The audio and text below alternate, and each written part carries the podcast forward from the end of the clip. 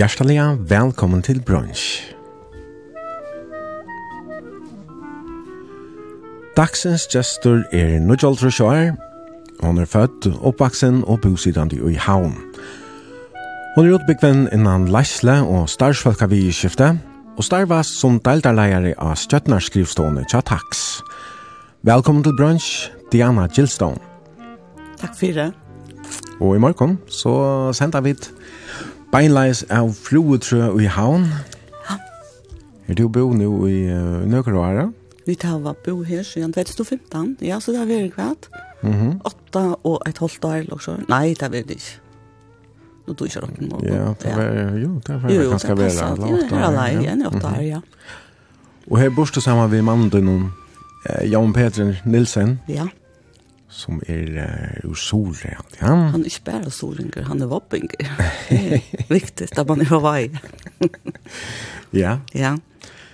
Jo, og, og ja, tid, uh, som du sier, tid, uh, flott du her til i 2015. Ja, det gjør vi. Og møttes du i hva? Vi møttes i januar 2014. Mhm. Mm um, Ja, møttes vi til i havn, um, som så mange ganger. Uh, jeg kveld du på. Ja. Og vi har jo sammen så gjerne. Mm -hmm. Ja, så... Jo, jo, han, han her, her til jeg, så... Og han, men bor han i havn ta? Eller? Han bor i havn ja. Han okay. var slått når, når til havn her, og han og så han det Jan Petter han sykler ut den så han er ikke tyst ikke han så rann hjemme han er hjemme helt nær noen men så det er ganske lusenter at man akkurat reker ta han er hjemme man er man är samma sted och och ja. och man hittas då till så ja så festet då ut och det gör det så jockon och och vi går det så en chans så här sitter vi så i det. ja. Och han är akkurat kommit hem. Han är akkurat kommit hem och Peter kom hem hösten han skulle vi komma mitt in ja. Ja. Så till till jag mer akkurat som en tvär tillvärde jag alltid en kollega så jag mer så tjofta nå nu kommer jag om Peter hem. Mhm. Eh till ju till han är hemma helt när någon och han borstar helt när någon Men det er, det er det så, det er jo fyra viker, og heimen fyra viker, og Jan Petter han sikler i, i Norsjønnen for det meste. Um, han setter vindmøller opp faktisk, i, i Norsjønnen han står en installasjonskipe, her han kipare, og, og du kan si at det Ta han för land och morgon som reke släpper han hem och och är ungefär ju någon kvällt. Ja. Vi halte det här trivs han väl vi nu. Han reisne. Han marskas eisen men han nu tjalt rusch man låta. Så då har man då har man kanske gjort sån ting ut i Barentshavn och Afrika och Karibien där man går väl stilt där.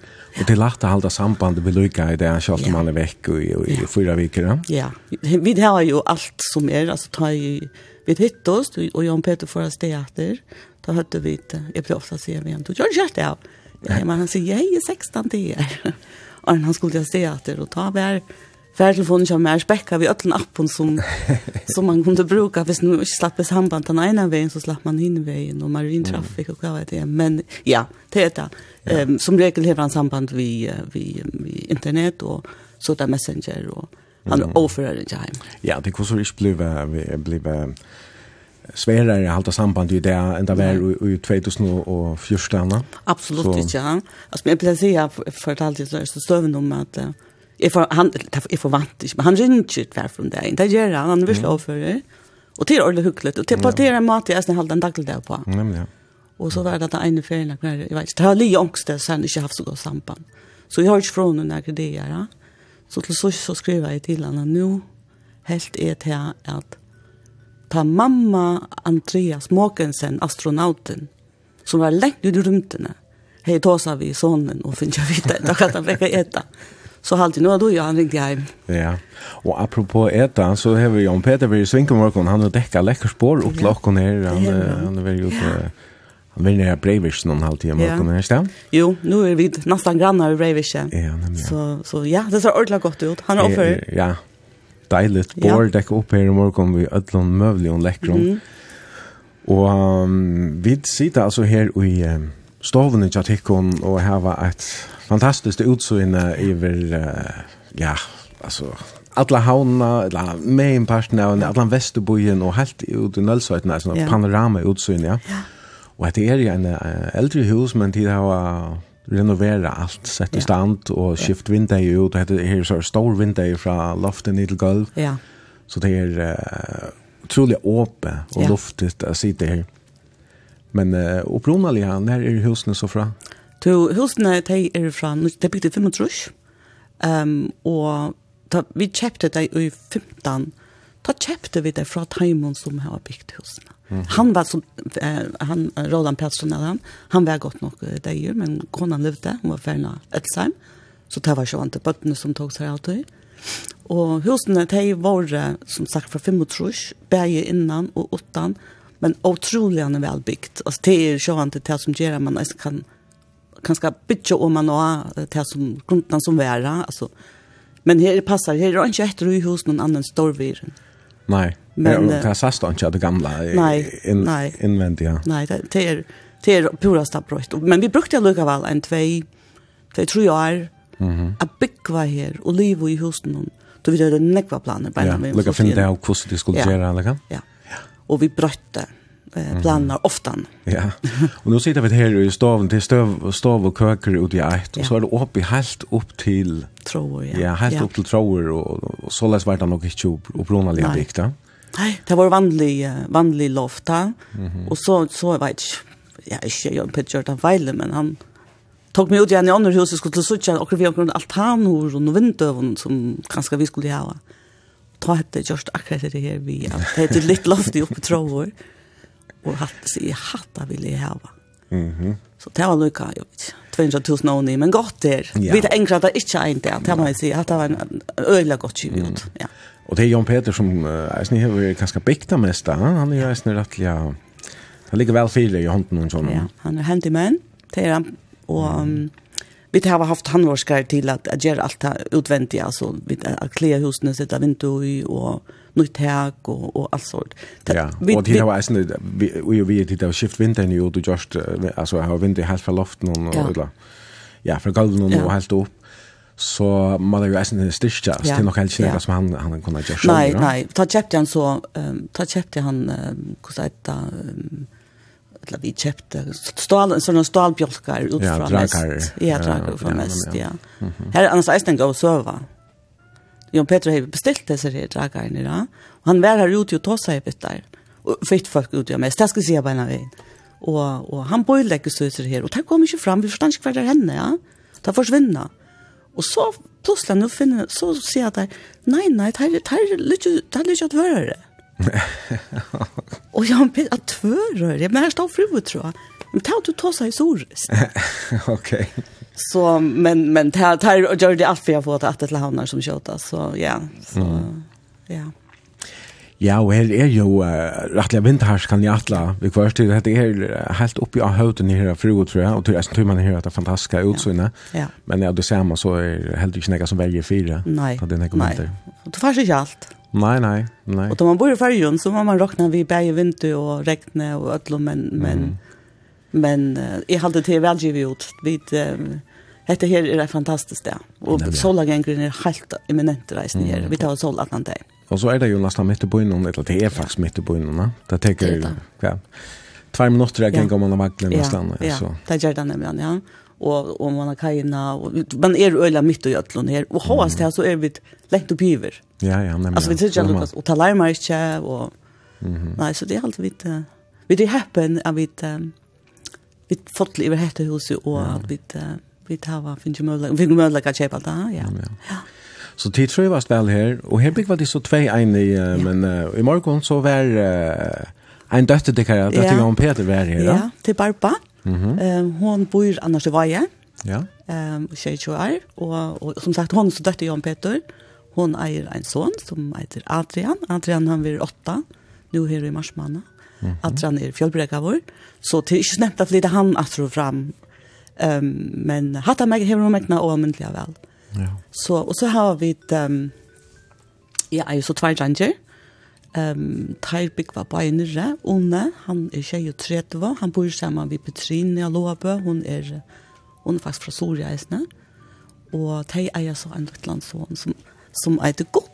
Mm -hmm. Han er så hitt om Abba Bannisjokken, han er åtta måneder. Ja, ok.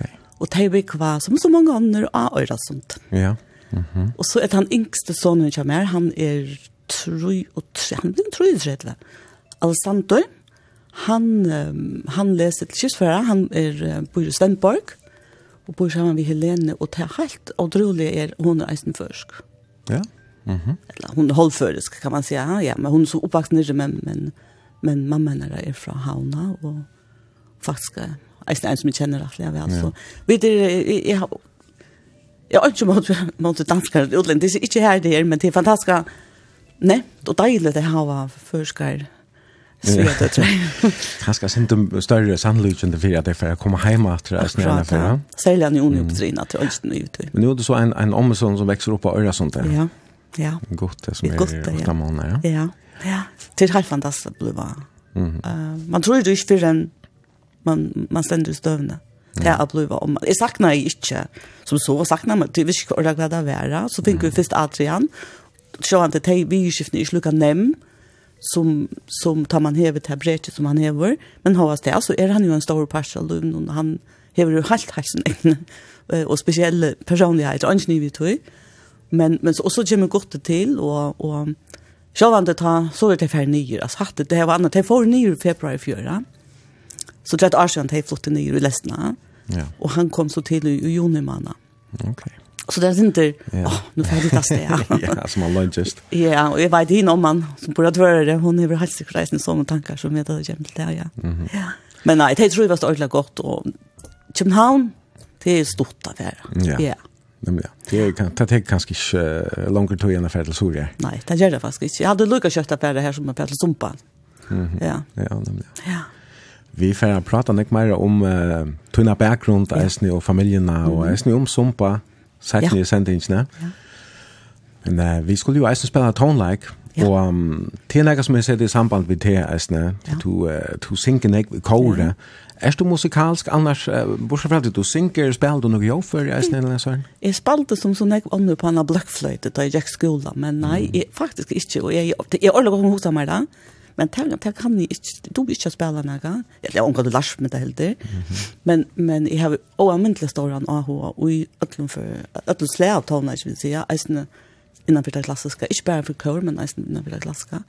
Og eisene med noen døvene, altså akkurat som et lønner, Ta man er unker og man hever sunn i orkester og sånt.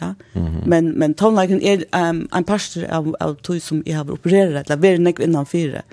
Men ikke kanskje akkurat som tog jeg er donalig tonleikar på någon måte. Men det er kanskje mer mot organisatoriska. Ja. det er är jeg har här kvar ofte går man blanda med på noen ting som så enda vi att mm -hmm. är en nörd. Ja, som jeg nevnte i början så har du utbyggt en, en du har utbyggt en, en alasle, mm -hmm. så det er kanskje nära vi att, att, att, att det är naturligt att begynna att blanda seg på. Ja, det gjør det. Men hvordan var annars heim noen tjatikkon var nek tonlager her? Ja, og det samme, vi tar var, jeg er ikke oppvaksen en heim vi klaverer jo men kaursangren har fyllt alt mot lov. Mamma min uh, og mostra der kommer, um, der har sånn ju i hannekornen, og ja, og en til jordvarskornen, um, det, det er mellan det alle mostra der kommer, og mamma betta. Der har sånn jo her, og lukka fra at, ja, en av 4 og Så er jo oppvaksen vi har vil sleipa til hver konsert fra bandsbein ja, kan man si. Og til fyllt øyla nekk vi okkar heim med eisene. Her er alt over sunnkje ordelig ordelig nekk. Og det er ikke vant det, nekka som hever avvirska meg på nekva matar. Og tog kjennes kaursangren jo på alla matar som en nekka som ligger mer ordelig tatt, Og det er kjent, det er kjent for meg. Ja.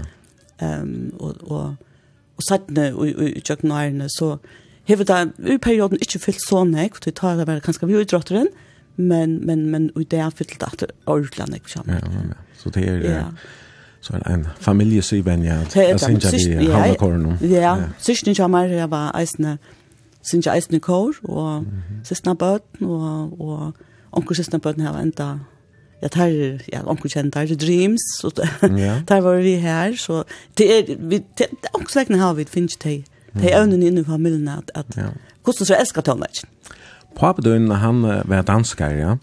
Og ja. Um, du nevnte for meg at du som baden åttige seg her sangbåtsen at de små synger. Ja. Så du sang eisen danska baden, ja. sendte som, som uh, småkjentla. Ja, mamma og pappa sung, det er alltid ble sunget når vi heim noen. Og de løtte seg ned etter eisen at jeg skulle lære uh, når danska sanger til pappa ved henne. Og han var blæ blæ unger han kom til å. Og familien til honom sjå han det, om mamma og appen som er, og de som bor her nere, de, ehm ehm de skilt sjå han ikke før. Så, så det var en, en måte jeg ville, vi halta, halta mal ved lukka. Jeg var, jeg var alltid bare tveispråka, språk mhm uh, så jeg har alltid haft tvei mål, men, uh, men sjå han som tog en løyer, så tåsa på hape jo mer og mer først. Og så, så gløyer det, at danska jo er sindru i, i bakgrunnen Ja, okej. Okay. Men du har som, uh, jeg nevnte, du synes vi havnakornen, mm. og du er forskvinna i havnakornen som nu er, og du synes vi husakornen, Kjeppmannahavn, det kan vi eisne ta oss om, og så er du eisne vi forskvinna konsertfellan noen til for en år, så han, det venda vi dette til seitene. Og så arbeidet du ja han som han torker, eisne, at, jeg tror jeg skal at, unga. Ja selte plater her i uh, Forsenon. Forsenon det er ja. ja. Så ta hei du ordentlig kylfyr, ja, ja, alt det som ja. er ja. moderna og ja, ja. framme. Ta hei man, ta hei man, ta, vær, ta da plater, ja. ja, og kassettebånd, mm -hmm. ja, ja. Og så selte man ehm så är det sån här nalnar till till så här kommer en spännande folk in ja ja plato spelar jag nallar ja. pick ups pick ups ja. ja ja så ja så här kommer en spännande folk in här är väl jag stått stått tror jag ska att när jag var helt det må ha vi att när vi liv i höjden. Ja. Ja. Så du var ju två förs och ut efter. Okej. Och hej du skilt för det här vi vi plattar spelar en Alon pickups alltså det det det det är bara bara alltså här är Nej. Det är nekv imisk slö och nekv imisk prisklasser resten. Det kan det öle dylian, dylian och alla resten. Ja, ja, ja och tycker vi, alltså hans banan är väl att det är allt möjna. Men som du inte gick så, så, så, så slapp man mer och mer och Han var själv när jag i förrättningen. Mm. Men till dem så tar han för hem till frukost. Det var så system så stilla han telefonen om och sånt men ja. Men man lærte det vi tog inn, og jeg vil eisen si, jeg hadde nekst som kom inn til jeg hadde skikvirt og selv, ja. ja. Han gav jo eisen tonelike ut vid ja. Hørskom Bøskom. Ja, det gjorde han, ja. Det kommer ja. ganske eisen tonelager om man i handelen. Ja prata med honom så. Ja, det var Ortland som kom in här och next det var nek det var nek nördas lite rundan om tal där snackade in Ja. Han sålde jag så som Playmobil minst det. Okej. Ja ja, så det var det var allt möjligt in så för att inte. Men ja, ja. men stort lite vart. Så väl blanda. Ja. Det kan man så eisen se om sankvälle som du över uh, valt till sändningen det är rättligen väl blanda bäi nytt och gammalt, utlängst och förrest, stilt och vilt. Mhm. Mm ja. Mm -hmm. Kvus, hva er tankar du gjørst her ut fra sangvelden, da du skulle velja sangen her? Ja, for det første så sier om Peter, jeg skal gjøre dere en playlist da, så sier jeg til Jordan, men jeg hadde ikke kostet for å bestemme sin Eh Det som jeg gjørst med noen jeg tanker om, til sjåan til Kåre Fytler og Lennek eh, så sjåan det er den nærkaft som kommer herfra. Så er det eisen som det tog er anten, hva du er, mot liv, alltså ganska många ungdomar och så, det är inte som man lustar i nekva etter ta, och som vi startar väck lustar ordla nekva etter. För tonlager för nekva i hesten husen nästan, ne? Mm -hmm. Det är alls lära tonlager, det vill säga vi kan gå sida för sig och völd, tändra slett i sjönarsp. Vi vill höra bara tonlager. Mm -hmm. Så, um, så det fyller nekva, så tar här vi Lukas som vi är här, så har vi tidigt också lärt som eisne minne med eisenter in, i min baddom, kanskje en av de første plate omsløvnene sa, så det kommer også herfra eisene, det Så det er tar tankarna och så har vi lukket som, kanskje jeg synes jeg sindra tanken om um, um, att det kom, alltså jag har, är ju kommit kommet till Sumpa, til mamma min flott til Sumpa, jeg var jag nær, um, så, så det är eisen några ting som får handa vägen så jag har rømt, og så vekkene at ja. hotna steinene er, mm -hmm. inn ut väl Ja, ja, og det er fevne lukka fra Korshansi iver ja. til uh, rock. Ja. Og det første som uh, vi får spela, til klassiske tonleikere. Ja. Hvor så var han at han fyrir just hetta vele? Ja. At det er nekka som vi venjer løtene i Hannakåren. Hannakåren eh, har vi lagt opp etter venjende storverk.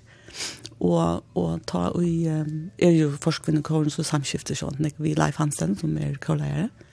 Og han sendte så til min at um, han kunne huske seg vi får jo holdt vi hette her verskja. Og Og sendte meg så, um, sendte meg så hva det var, og jeg får så inn og, og lort deg. Og ikke tror jeg skal bestemme, det skulle de slett ikke, men, men, men han tar kanskje spørre snutt. Altså, på fra hade hadde tablet for kongt vi, og jeg får så inn og, og lort deg så. Og man sier at det er nærmere du vekrest da, som är alltid vi færre gongt vi har synt. Nå har vi så valgt akkurat handan sannsyn, og årsøkjen er så einfølt at vi ikke kom sånn langt i venninsene. okay. så handan, handan kjenner jeg synder. Ja. Når er det at vi skulle ha konsert? To, vi tar konsert han 22. og 28. mai. Ok. Ja, ja, ja til å kvitt sånn nå. Ja, det er det, ja. En i Norrlandhusen nå, og en i Foklafer. Ok, så tid har några månader av vänner jag tror att. Ja, man hade ju störst värsk. Alltså data något annat via 900 gram. Ok, Så ja. till man bara Mhm. Mm att få vansar. Ja. Muslarna kan du själv presentera hejte och och är sån här stitch någon det ska er röna. Nej, rön du bara. Alltså det är touchande satser, va? Ja. Vi eh ja, här ständer det Mendelssohn. Cold, det Mendelssohn sie wir prisen selig die er stolt att haven. Så det är sen det små text. Ja, att jag har rätt. Ja. Og at her er så um, Kåre La Capella Royal, mm -hmm. og orkestret halte jeg eiter um, Collegium, ja, nei, det er kanskje eisen Kåre, Collegium Vokalegent, Philip Herre Vege mener jeg, Stjøtnar. Ja. Halda, halda vid kurs. Ja, att det är så eh, Sport Life kun var den bästa utgåvan. Ja. Så fanns där ute och han visste meg läsa. Det är den där. Ja. Just det.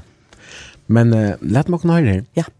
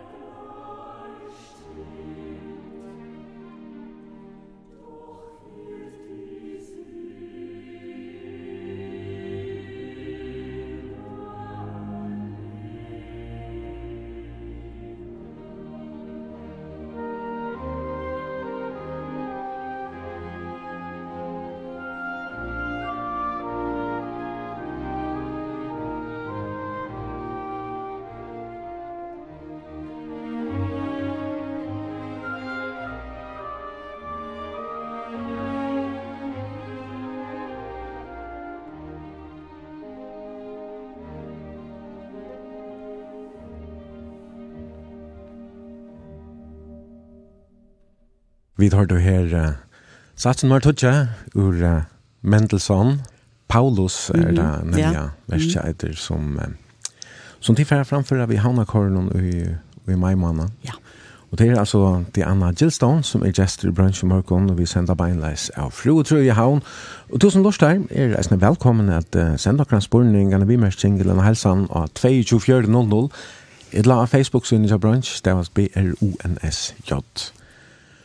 Og Diana, etter fyrsta jeg hugsa i om uh, spyrja det til er etternavnet kjad der, Gilstone, det um, jo, kanskje ikke øyla først, men det er det. Ja, det joa kanskje ikke først, og særlig ikke at det sett sammen med Diana. Nei, nemlig. ja. um, men Gilstone er faktisk et, um, et navn som, stjernavn ut i Fokle, eh, til en ord som ligger i midtelen kyrkje Hattavik, og det er av tog at Abbe Moin, og omma mun er bæði tvei ur fugl. Mm -hmm. Mun var hatskinker, og omma mun var av kyrkjo. Så du kan se at mun førska familia og opphavet til gjemmer fra fugløytene. Ja. Og abba mun kjepte navnet i Holtrusjonen. Um, og, og tog eit av vits og i det. Ja, ok. Ja. Og mamma døgn som altså, var døtte terra. Ja. Du nevnte jo i byrjan jo at hun eide Betta, eller ja. det var hun, hvordan var... Hun vil kalla for Betta, ja. ja. Eider Ordet Elisabeth. Ja. Mhm. -hmm.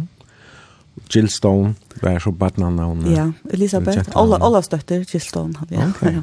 Og nå er det hun så Danielsen. Hun heter Daniels, hun er gift ved Arna um, mm -hmm. Danielsen og Kolgar Sumpa.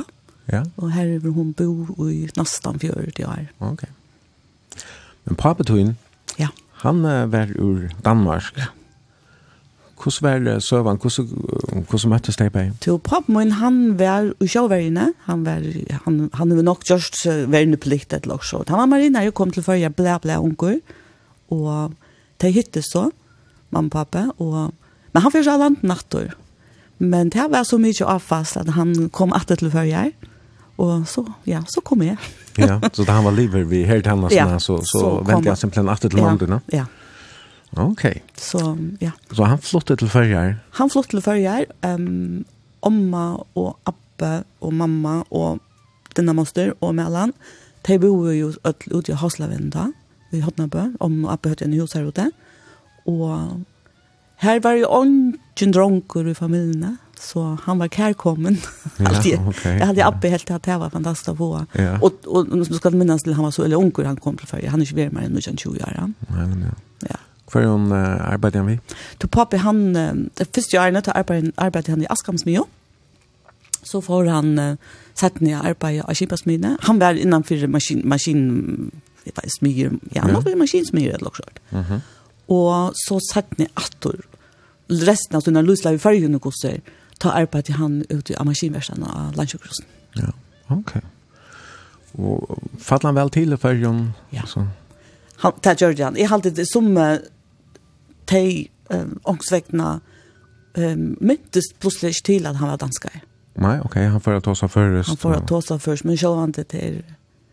Man har alltid ångrar sånne små kruller, tar man er danskere og, og, og i malen, men, men jeg har alltid det har bilt ikke, han, men han, han lærte først øyla kjøtt, ja. Og, og, og prata, ja, um, skriva, nei, skriva ikke først.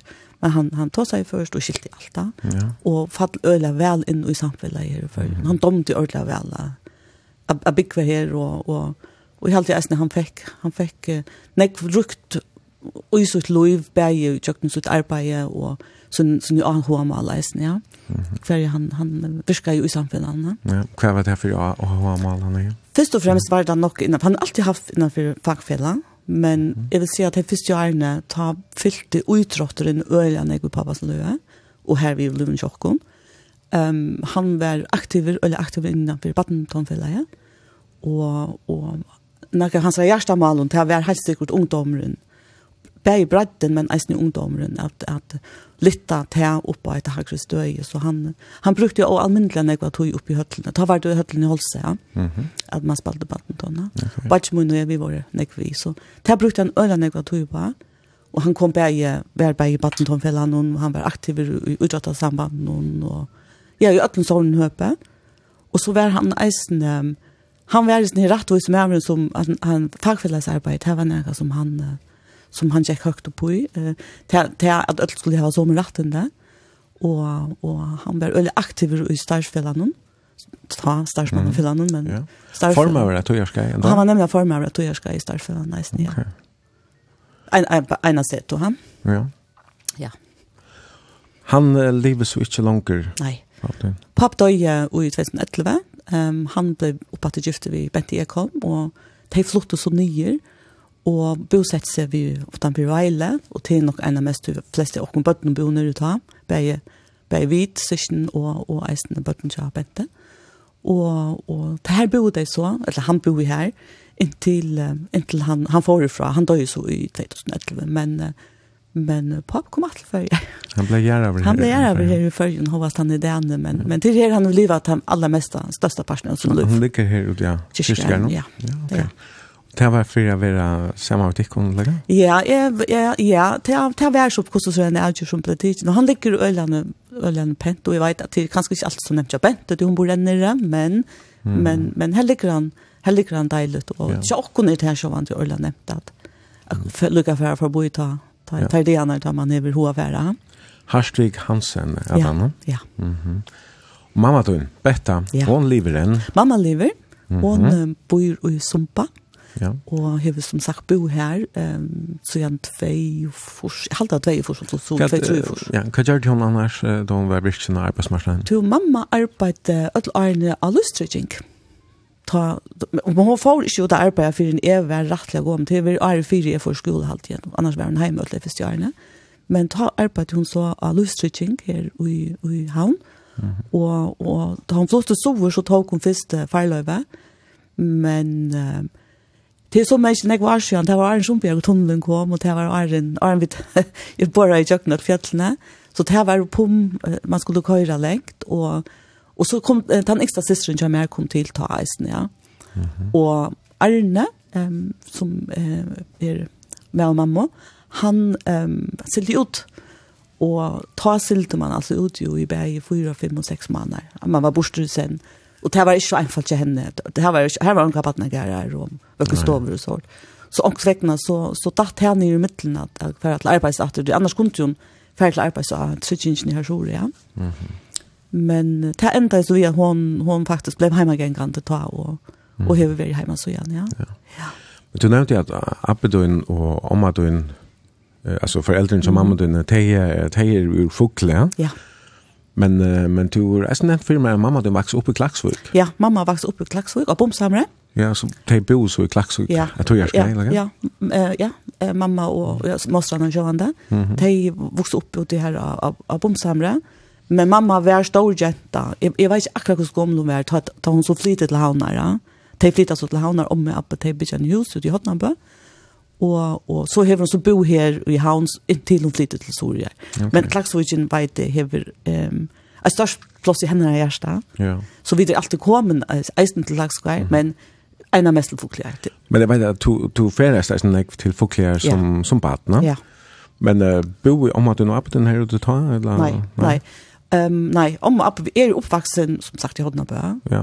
Og i en huset vi mamma och pappa måste Och det var som föräldrarna jag såg som mamma ja. som har flott lahauna ja, ja. Men det hade så husen igen. Ja, Ja, ja. vi har det faktiskt än. Vi har en hus här ute som är uh, Battonsheim i ommunne. Ja, okej. Okay. Och det var sex syskon. Så husen är ju där sex person och mm.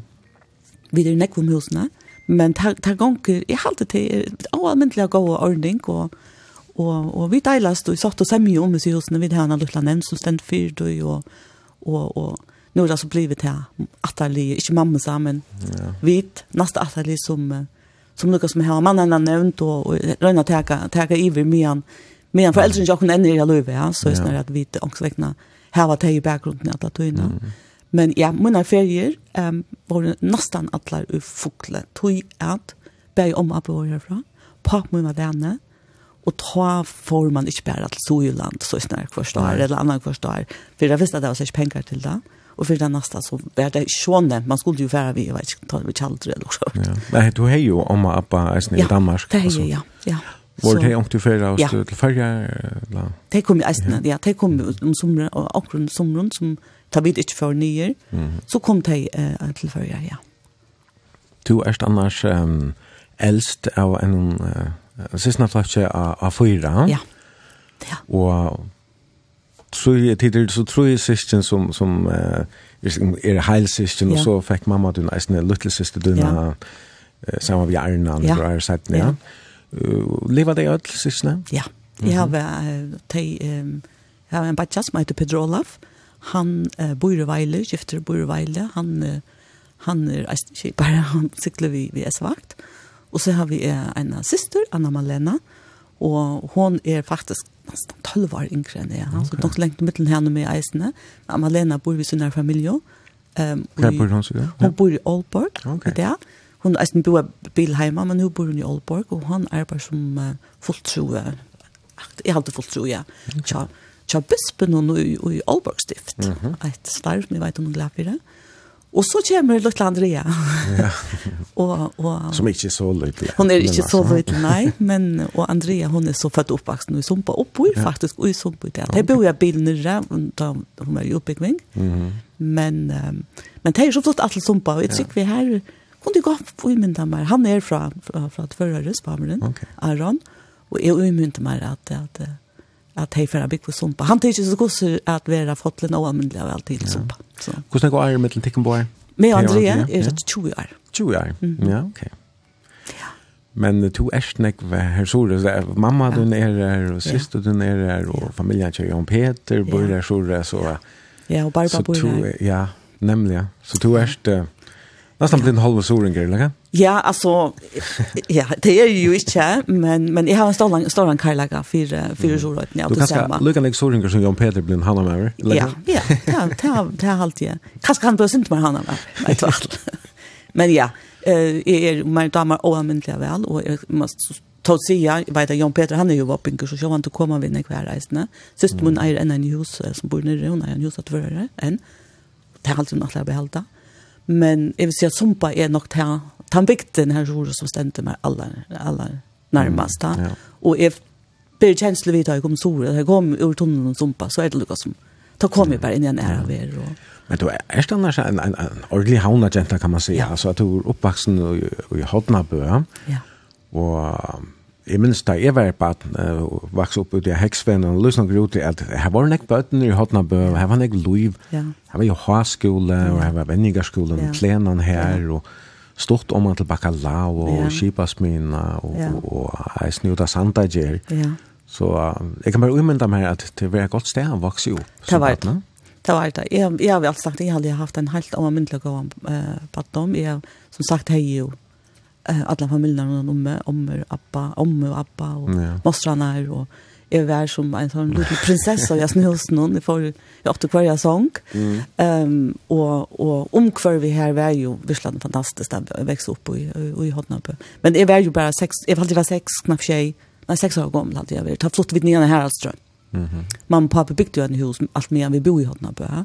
Det tog sin natur det var det samme man skulle ha penger till det men det var så tatt på hotna Ja. att man kunde vara någon om och mm. visst det var det så det var, men, men ja, här var det här var det näckbötten är en, en god med man han heter Kim han, sen, han bor, han bor i Eisen i Havn och, och vi vi tog hon nästa man är riktigt väsen till kom så att att måste han så måste må in eh tower vinkorna. Ja. Ehm ja. Gick skola samman nästan? Nej, det gjorde vi inte. Okay. Nej. Du checkar av vänliga va? Ja. Alltså som vi ja. väsen är bænt ja, vi hatt natt. Ja. Og hette var jo om det måned da da vendingarskolen ble tidsen i Nøsle, altså ja. han var veldig nødgjør da. Han var spilt i nødgjør. Jeg kan ikke minnes om hvordan jeg var flokkar, byrjane, eller hvordan jeg fiskklasser har vært i Arne, men det er ikke vært nekvar. Jeg halte ikke vi har vært det første, men jeg kan ikke minnes det. Nei, nei, nei. Jeg vet ikke kan han skulle. Det var en lukka som tant tantfyr, sier jeg. Jeg vet ikke hva han ja. var brukt til løtene, men... Uh... Nei, han skal visst være et eller annet vi kan på, han? Ja, her, ja. Er, her er det imenskar atlaner. Ja. Det er jo et deilig øtje, eisne, et deilig vøtler og ja. alt her rundt om her. Ja, ja, og jeg har stått skola, så det var, og her gikk det så et lærne, ja. Mm -hmm.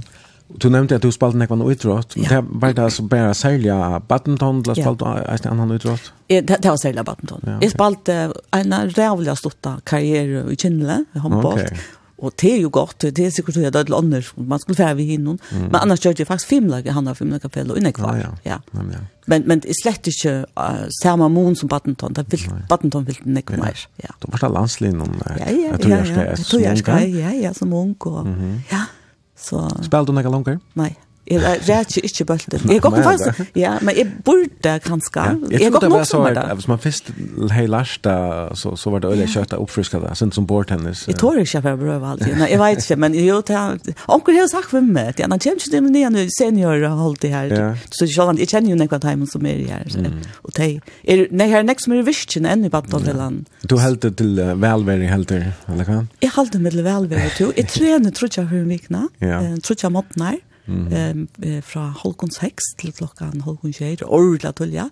Men jeg og Joanna, Joro, som er min treningsmakkare, vi bor, vi, vi hittas og tror jeg for en vikna, og vi er alltid samtar om, hetta var fantastisk. Ja. Og til lykka mye om vi ikke svetta sånn. Men, men vi trener, det gjør vi så, det er ikke bare snakk, men, Nei. men det går starter på dagen, og det er eisende godt, det her var sånn folk man, man prater vi. Nemlig, ja kanskje sender meg et skikt enn en en spiller badminton, jeg vet ikke, ja. her stretcher man seg nok, nok sånn egg, men kan, ja. kan ikke enda gale, ja. hvis man ikke er vending. Akkurat. Nå, men uh, Diana, vi får spille et lærer fjert. Ja. Nå har du valgt uh, at vi skulle høre Soleian lyser om fløter som Elin Brimham Heinesen gav ut, ja. det mener det var fjør, det kom ut, ja. Halleia. Ja. Hvor er just henta sanjen. Jeg halte til nægra forskjellige årsøkje, for det visste så vil jeg gjerne ha vårt første lista noen. Jeg halte til å anmennelig verkorsle, eh, som Ellen her har givet ut. Og ta jeg flott i heim til førje, ta vær Ellen faktisk nok som jeg på minners ferie, vi hittes ofte sammen vi nek på nøren, eh, særlig kånefolken, og, og vi tar liksom helt sambandet om, om det tar ikke er kanskje så tatt akkurat, så, så, så, så, så tar man vel alltid at ta hitt i og, og og hvis vi um, er i samme le, så, så sitter og prater vi henne overmyntelig en donali, mm -hmm. uh, og halte jo ferdig på sju år. Ja, så, så jeg halte at, så tog jeg tanke, jeg var det er verkorslig, så ja. Det er det helt sikkert, og um, det er, det er en, en tekster som papi henne har skrivet, ja. som hun så just lært til, og Men det var Jøggen Hovfudging at hun fikk stol til at ja. innspille til her leie. Ja. Det City of Prague Philharmonic Orchestra som spiller under her. Adam Clemens Stjøtner. Mm -hmm. Og til sjående Ellen Brimram Heinesen som uh, synker fire, og så er det eisne Torsanna Manskår som synker vi. Mm -hmm.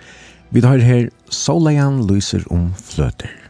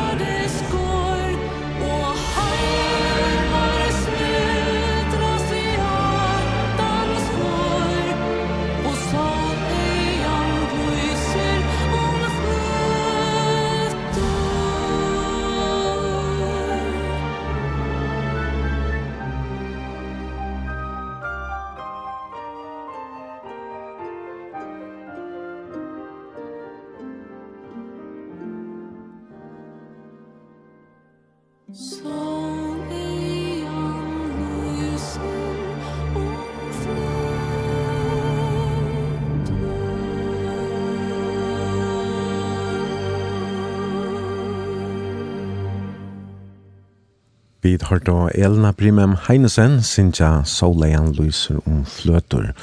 Og det er Diana Gilstone, som er gestor i brunch i morgen, og vel tonleggen, og vi sender beinleis av Froetrø i havn. Vi sitter her og skoa iver havnarboi, fantastisk om utsynet her oppi av høvden her, bant uh, fyrir soltai, ja. det her er, det er, det er, det er, det er, det er, gjøre gåen solagentje og gåen utsøgne, og hovast det her så ligger det altså midt i byen. Ja. Og ja, vi sender som sagt beinleis, og det blir til å sende en helsan og fra spurning, eller annet vi merker av 22.4.00, og her langt kom vi akkurat inn av kibene. Det venter vi dagt til man løte. Men jeg husker litt Diana at at jeg har hørt rom, hvordan det er å være ung i fergen ta da du vaks opp. Hvordan var det ungdomsærene? Ungdomsærene, det var god. Jeg vil si at uh, utdrotteren fyllte til Kjølande, en stor parst eisene, og det var ærene man var unger. Men, men akkurat som alle andre, så tjekker jeg i bunnen, og jeg, eh, tonleikeren fyllte eisene nekta, og, og jeg, att när att när men Vängersland tar for sig en höjtalar Jack tok HF vi höll från först till två förs och og Og ja, jeg gikk jo i byen og i dans som et lander. Um, mm. Jeg slapp bare ekkert mye nå. ja, det var... Så det var sint, sint strengt for? Så... Ja, jeg vet ikke, jeg er ganske dyr av eldst, men ja, jeg slapp bare byen ekkert mye nå. ja. Selv om man rundt kanskje om til å snutte seg. Hvordan så er det inntil å være ikke når jeg går med det her, eller ja. Ja. Og, ja. Ein lustar uh, sent ein av vi kommer til skriva Hesa fitte servitrisena tja Ellenskard minnes det fra døvnån i Høydelån. Hva meinast vi her? Ta jeg, det var nok mer det Arne av er nei, Jack School i Høydelån.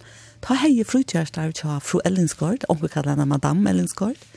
Eh, hon hei en som er øyland etkjent nyrre Når vi bor innom, eh, bare ved søgne Hanna-klubba, at han vil gjøre noen her en reihus, den der enn. Ja. Og hatt av hver en sån en sån medstova som hei åpen til døver, døvere kvandet, eh, manna det til frutja det, og så kunne man komme og eta nåttra manna det til høstet. Men det var faster gester, eller kan man säga. Ja. Det første som kom, det var øyne nekver, nekver unge, dranger som ja. var kommet til havner at lære et eller ja, Eller lesa. Ja. Jeg har alltid minst onkel för grej från lärarskolan när man går på den nämligen att jeg tar ikke för Ellen Skort. Ja. Så her kom ett her kvant det var sånn hemmelig til å være med at man ser at det jo ju et størst spår akkurat som en er en spusestov det var som ja. som en spolstov, ja. Men arbeid du her med enn du uh, Jack AHF? Ja, det gjør det. Kom du så fer om han dør til mannen? Nei, nei, nei. nei. Det Ta som til nottra? Det Ta til nottra, ja. Og okay. som kvølte ta, ta, ta, servera jeg som sagt og rådde jeg opp at nottra. og, og i ferien. Mm. Uh, til dømes i sommerferien så ta arbeid i eisene uh, av døvra. Ok. Ja. Så... Og du Jack, altså AHF, sier du, ja. så uh, dette var fra, fra forskel til uh, tveiefors, ja? Ja Og så var det to uh, første arbeidet til Hans Montorker, som du ja. ble fra ja. sin fyrre ja. sendingsene. Ja, mm ja. Så, så ja, de årene, de var jo akkurat som, som et ånder, kan man si. Ja, men det, ølene, tonleikeren fylte nek, og som sagt så var utrådsen en, en stor parster av det.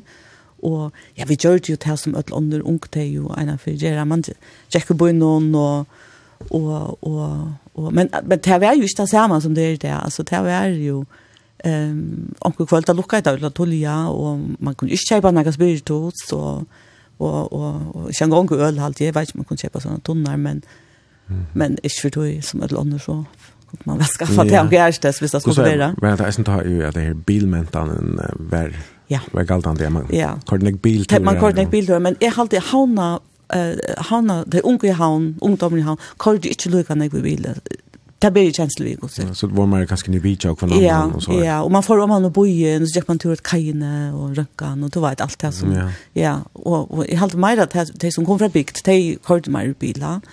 Ehm um, men men man får reisne av bojen och den och där bikt dans. Väst man har öle populärt minst det. Ja, och då måste man ju inte ha och som kunde köra. Ja. ja. Så tar det alltid gott att ha och kan i ungdomsgräsen som åtta väg bil och hej går gårst Så det var noe god ungdomsvær ja. i følgen. Ja. Og så først du som, som jeg var om den nye Danmark ja. å lese. Ja, for nye. Hva var det som um, fikk til at, at begynne å lese til uh, industrilaborant? Jeg vet ikke. Jeg vet ikke, jeg har ikke hukset han hva det til, men, men jeg så ikke ut det, hvis jeg hukset etter døgnet, at jeg har noen organisatoriske hunder. Mm -hmm. Og en laborant skal være øyne nøysomme, man skal, eller nøysomme, ikke, man skal være nøyaktig, ja? det er jo, det er jo små mångter man arbeider vid, man skal være, eller metodiske, eh, tar man arbeider innanfor det her fag. Så at jeg var av Panom-institutten, um, og, og arbeidde, og lærte av noe som heter medisinsk anatomisk B, og det er innenfor gransking, hele gransking, særlig, og, og i Parkinson faktisk. Ok. Ja. Mm -hmm. Du så ikke arbeidsseilene som laboranter, da? Nei men men du fick utbegränsna att hon hade uh, supplerande och fack fist ja ja ja i Danmark kvar kvar bor du i Danmark to jag ja jag bor men flest jag är bor ju faktiskt bänt inne vi ehm det bor i faktiskt Österbrygg ja ja i Borgensgata og og og så ja, så jeg bor i lukka eisen en og stort bild vet du det Amager. Man börjar ju i Miska stan. Mm, leja du kamer Louis bo. Ja, först jag leja fast kamer ut i Kastrup. Mm og, og så uh, stort bil er en grønn hjørt. Um, men så fikk jeg en øybo ute i, um, ute i Båkensengati og Esterbrygg. Og, og så sett han at han hadde og Arjen. Ja, så mer, så, mer enn jeg vet blir så, eksmeren vi ble, vi blir så gift og alt det her, og, Og så flyttet vi inn i en ubo inn i Sølgate, så det var bare vi på han, men stod det var ordentlig henta. Ok. Så han flyttet faktisk London, eller sin drar ni, et år var ni kom i, da. Ja. Ja. Ok. Ja, du først ned til Danmark, er, uh, ta uh, første forsen, og jeg halte opp to, først ni fyra forsen, men ja. det var det. Ja, jeg halte, ja. Og One, han er født i Fem- 45, og ta plest og mamma, ja, ja. som Jakobs kom det, og så var det han. 21. En kjører gammel, ja. hvis du mamma, så det er rettelig ung mamma. Ja, det er. Og du møtte Henrik, Henrik ja. som, som du så sagt ble ja. gift i Esnia. Ja. ja. Ja. For at uh, han var jo danskere, men de møttes du i fyrjon. Ja, det sa du faktisk. Ja. Jeg var for en heim, var for en heimferie, og ja, så var han her. Og, vi møttes faktisk ombord av Winston Churchill. Å oh, ja. Ja, og... og Av Veheim? Nei, nye. Ja, av Veheim, ja. ok. Og, og han var heim, han var for en arbeidsøren, Ja. Og, og så, um, ja, det ble så til det. Um, det var jo, det var jo en god tøy, uh, og en ny tøy, og, og vi flyttet så uh, at det var nok så kjøtt til, uh, til London. Ja. Ja. Hvor uh, akkurat London? Tøy, han var innenfor bytjevinna, og ta var bytjevinnan Øyland står, man bygde Øyland i, i London, ta i forsnåna, um, og, og ta um, fick han så i boja att att uh, färra här i Bromer stjorde en en en bitchfyrduga mm som så öppnade en del i London. Eller han var ikke stjorde men han fick så bjöd att jag leja till delten här i Brommer och och det helt han var en, en spännande jag och för för så att det och och vi kom så vi kom så att det gör att han Okej. Okay. Ja. Hvordan var det her at uh, jeg kom hjem til London, var det nekv ørvelse enn jeg bygde ved Førjen og i Danmark? Ja, det var det faktisk. Men det går vi tog det engst. Alltså det er det som gjør det ordentlig lagt. Ja. Att du flyter över och, och du kyler måle och allt det. Det, det gör det sånn at du øler när jag og lättare att, Jeg komma in i tingene, Men, men vi ser att det är ju Det är alltid en Albion kan komma in i något samfälle på den måten att det var ju inte Danmarska. Det var ikke man flyttar fra förrän til Danmark. Det var det är mer att man kommer ju in i ett, ett samfälle. Du ska finna det vi lackna och du ska finna det vi banka och du skal finne det av immigration og etter stingen som var det ta og, så er det her vi at du har hej upp baden vi han skulle ju isen lucka som slösast inn i i i det her samfellet som vi er her i bre. Den har inte gånger hemma jag mer tog at så lærer han så ikke ekstra Så det var lukka som min min tanke at la latoina at, at trycka han han isen. um, lærte mal. Bodde vel her i bre. Ja det gjør det. Vi bor vel, det gjør vi ikke nye tog. Um, vi bor cirka 30 km utenfor London, vestenfor London. Så vi bor lukket som utenfor til hans store sose, kan man säga. Men kjøtt inn til byen, hvis det var det man ville, men mer om det var alle vel å bygge. Vi bor i til, Sorry, uh, her bor vi så, og i Tandansparslene, og, og mer om det vel alle bygge her, det er ikke nye tog, ja. Mm. Alltså anges men här var nog så över som en en vit här och några helt era sivenjer alltså vad det sort alltså jag kan säga en äkta ensk upplevelse att komma över här. Ja, det är helt det. Men och jag hade reisen till James reisen nu att vi bosätter oss utanför utanför London Då kommer du eh, Lucas som eller tatt på och reisen har att det här på du hur botten och så är du så så tvungen att skulle ut i samhället och så vägna och ta du något att skapa där nätverk. Och så på den måten upplevde, upplevde jag det uh, öliga väl. Um, men jag skulle vänja mig vid det. Alltså, det, det skulle jag. Mm. Alltså, jag var, jag var helt själva gammal. Och, och, och, och, plötsligt, man var ju inte... Man var kanske inte bara till Anna Gilston. Han var alltid fru ett eller annat. Alltså, Miss, ta, ta, mrs. Mrs. Alltså, yeah. Och det här gängade jag högt upp bo i. Och det här... Och jag det skulle nog lugna med det vi. Ja. Ehm, inte tog mig stisch min identitet slett inte, men men alltså man man in så du vet, men namn vet nej. Nej. Okej. Men men nu varst du ju ens ni hemma, du du arbetade inte då, va? Nej, inte jo jo, det gör det, men inte alla börjar ja. Nej, inte börjar vi. Nej. Och du hej au pair, ens Ja, ja, ja. ta, Ja, du det så där, du du um, Først iver her, en av tvei, og du har unga familier rundt om det, eller nek, Så, og du har jo bad, eller bad, da, og du kom et til, ta, vil du nødt til ångsvekkene at, at finne det av hvordan kunne jeg eisene, hvordan kunne vi eisene skabe okken, eisene et liv som er rundt om heim, ja, ja. ikke bare ui heim. Men hvordan vi vimfalk, og så er det? Ja, vi finner faktisk en ordentlig jeg vimfalk, men hatt det er til samme, at jeg ofte husker om, man hører om, um, uh, sier her, gettoene, jeg, jeg, jeg, jeg, jeg, jeg, jeg, till det samme att du kom till London och Lucinda då till till det första du möter samma så du så uppsöker för dig nej men mest har mest danskar ja. Ja så danskar hade Öland stora sammankomster de hade stora vad säga klubbar alltså den danska klubben och sånt ting så och jag kunde arbeta cha cha cha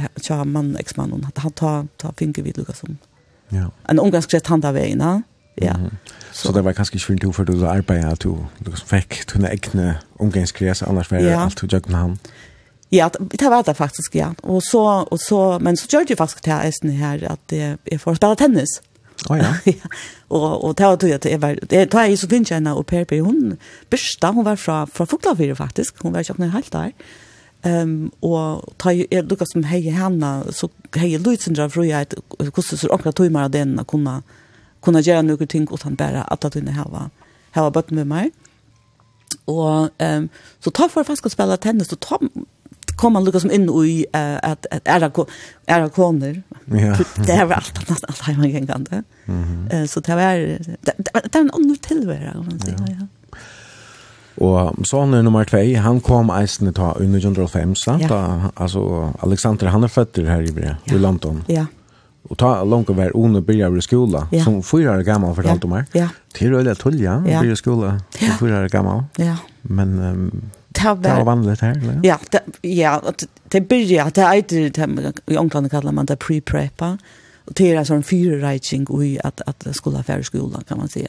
Men det var, det var nog här är jag mer än 20 någon då är att han skulle ju upp på det var, Jag vet man brukte fruktliga pengar på andra skoluniformen det var jo skoluniform, og jeg minns da, han var fyra år, men man skulle ikke ha sånne skrekkvar ved Lisson.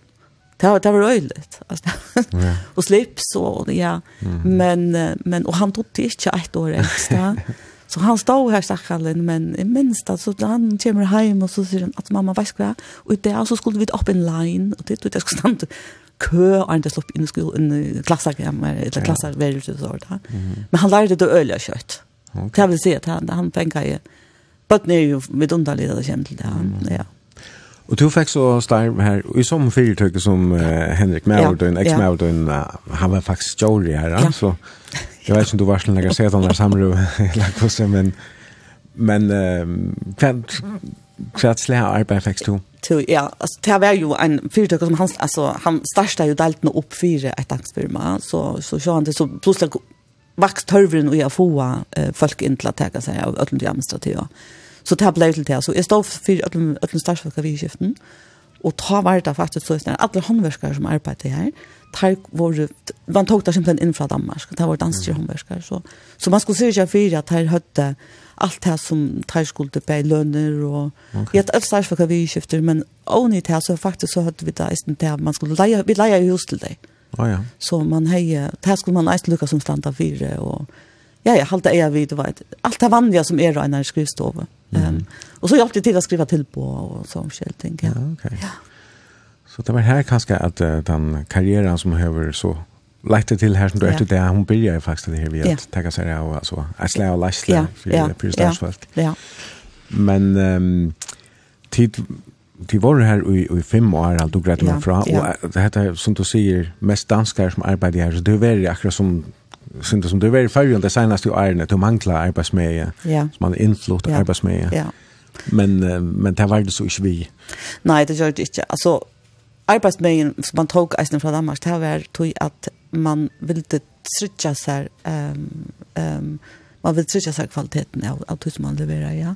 Ånglendingar har en helt annan bakgrund att det kommer till um, till handverkare fight det är ödler builders and constructors och ödl mm. ödler plumbers alltså det det, det är akkurat som det krävs det inte att du ska komma med en en bevis ju på kvart och kvart och dora Og, og, og det vil man för alltid vara inte så tog tog tog man folk inn. men ja rett er, det blev vi vi Um, um, Restasjonen kom det vil si at det stoppade upp bitch marknaden och lite centralt i Bra pengene våre der så vi heter vi jo i 90 nå, hvis det, hvis det heter 90 nå.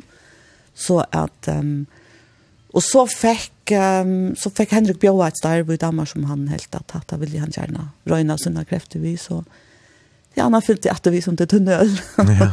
men det var fint. Ja. Jeg, jeg, jeg, ikke var liv i London, det var jeg ikke. Men, men så er det her jo inne i middelen, man er nødt til å ta noe vel og Og her var det så familien ja. som, som räddade, Nå, nå får vi så. Mm -hmm. Men du, du, du tröst väl i England ja, annars? gör det. Mm. Ja, det gjør det.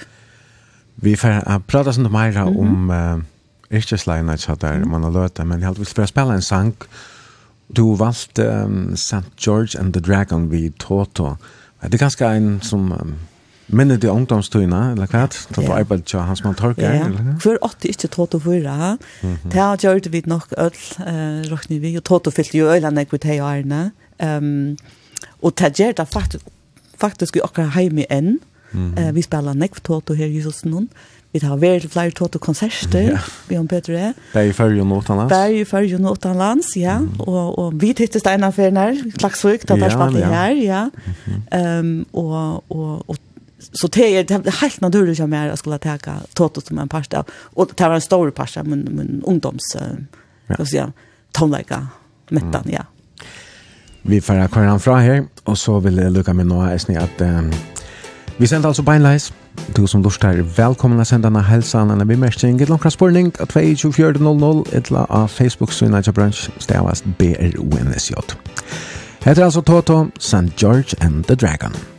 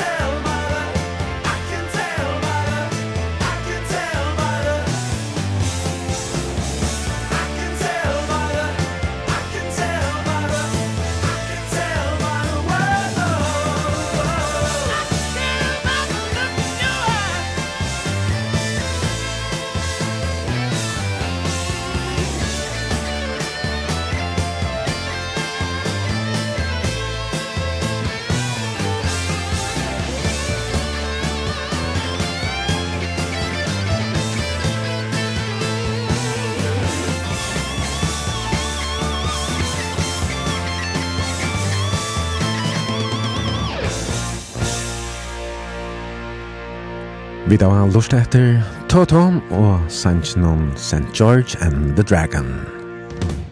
Og det er Diana Gillstone som er gestor i bransjemorgon og vi sender beinleis av Fro Trøyhavn. Du som lust her, at sende denne helsan. En spørning eller en vimmerkink av 32400 eller Facebook-synet, Kjappe Bransj. Ja, og er kommet her Kom der lager vi mer sigar, ein uh, skriver her, uh, så hon alt og hava verst, var det utvart hon i morgon, du har alltid godt selskap, ein helsan fra hyggeklubban hon. Hva er det her for en, en klubb?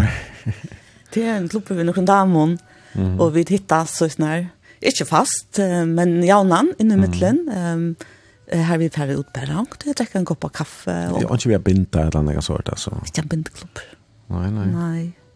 Oha, nei, det er det ikke. Men... Um, men du er ikke kjørt til Svar, eller hva? Da jeg blir ikke så tekt, altså, nå er um, ja. Så at... Um, så, men, men då, det ikke det, men, men det er ikke ganske her i her i Nei. Den største evne. men men vi vi hittas inn i mitten um, mm. noen damer som bygger alla i havn. Ja, hon hade kom. Uh, ja, og vi um, er helt fältet att akkurat vi vi arbeider ikke sammen, men Uh, til onkur som er bindelig mellom den ene og hinna og mm. onkur får ut å eta, onkur hittas vi hjemme til eier kveld, til hver nøyren, og ja. så til meg er sånn, vi, vi hun nok, la meg si at det er. Ja, och tenk du, då Det er alltid. Lysen jeg der, ja. Ja, ja. Mhm. Men eh Diana, vi pratar ju Janne om uh, Tina, då du bor i uh, London. Ja. Och um, hej tvär synner är snär så där och chatikon och och Ja, Henrik fikk så bjåa starb i, i Danmark, og tid uh, flott så etter til Danmarskar. Ja. Og ja, hver bo dit ta? To ta bo vi i uh, Gentofte. Ok. Ja. Så han fikk bjåa godt starb i, i Danmark, bare med innleggen? Ja, og det er en arm vi får i bratt. Ja? Ja, arm, ja. Det var også ikke tydelig at vi lukket som talte. Og på knapparna kan gjøre vi det nå, så, så var det her lukket som er avgjørende til at man, man flyttet til Danmark. Mhm. Mm og... Jeg har jo ikke starv. Du er ikke starv. Nei. Laborantutbyggingen, hun ble stadigvæk ikke brukt. Nei, og jeg tykker vi her har... Hette nok korsa seg hvis jeg kom inn i et laboratorium ta, ta, ta, okay. lukket som tøknen og, og alt heit dykkeren, og jeg har ikke arbeidt vitt du, og jeg jeg, tykker min åhu la slett ikke her helder. Så at... Um, så det er første togene at jeg måtte da brukte jeg faktisk til at... Um, att Luca Tricha till att bara drange nu Luca som kommer väl av väg alltså um, Alsanto var ju så stor så han skulle till stan och hon skulle börja en skola och allt det här lov runt om det här att det måste vara liksom något att fokusera på att få det här att att kurva synnar och säkna få ta in i samhället. Så så vi brukte faktiskt ganska resten av det mesta av några ehm är att um, att bara fokusera på att få liksom och Och jag tackade upp på köra tror ja. Du har också finns några ära runt det när du finnes runt det innan Lashle ja. i London och ja. vad blev några til å ta seg engst? Ja. Vad det er sån her som du kunne bruke i, i samband med et något starv i ja. Danmark.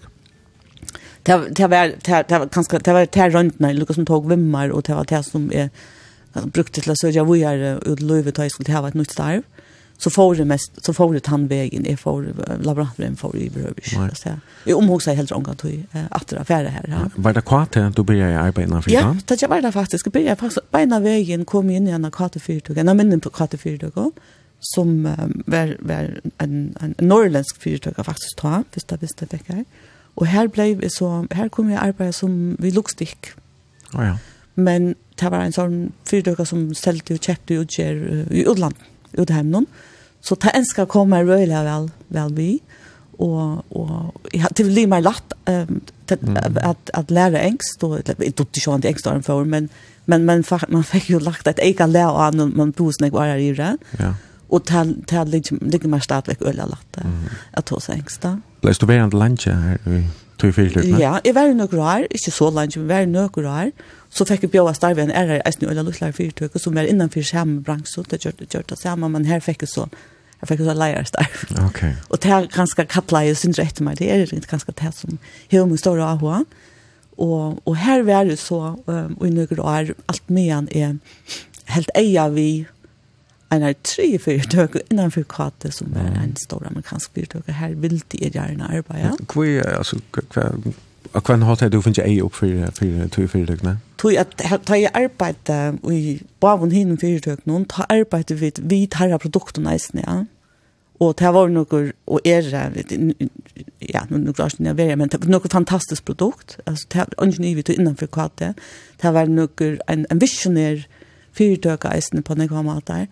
Aksjan gikk jo strukande, og hun ble splittet flere fyr, og det betyr jo at så blir hon bara mer och mer av värt. Det kommer att köpa fler aktier men men hon blir så hör att det var i med än nästan skulle betala för en så så ehm um, jag vet inte jag förstår på aktier akkurat men men men det var här tandmaten i fyllde vi på mm. och tera produkter var ju ordla go jag kände flera som arbetade oj tog fyrtöken i Danmark hon började hon är började av för 95 någon i i i Danmark.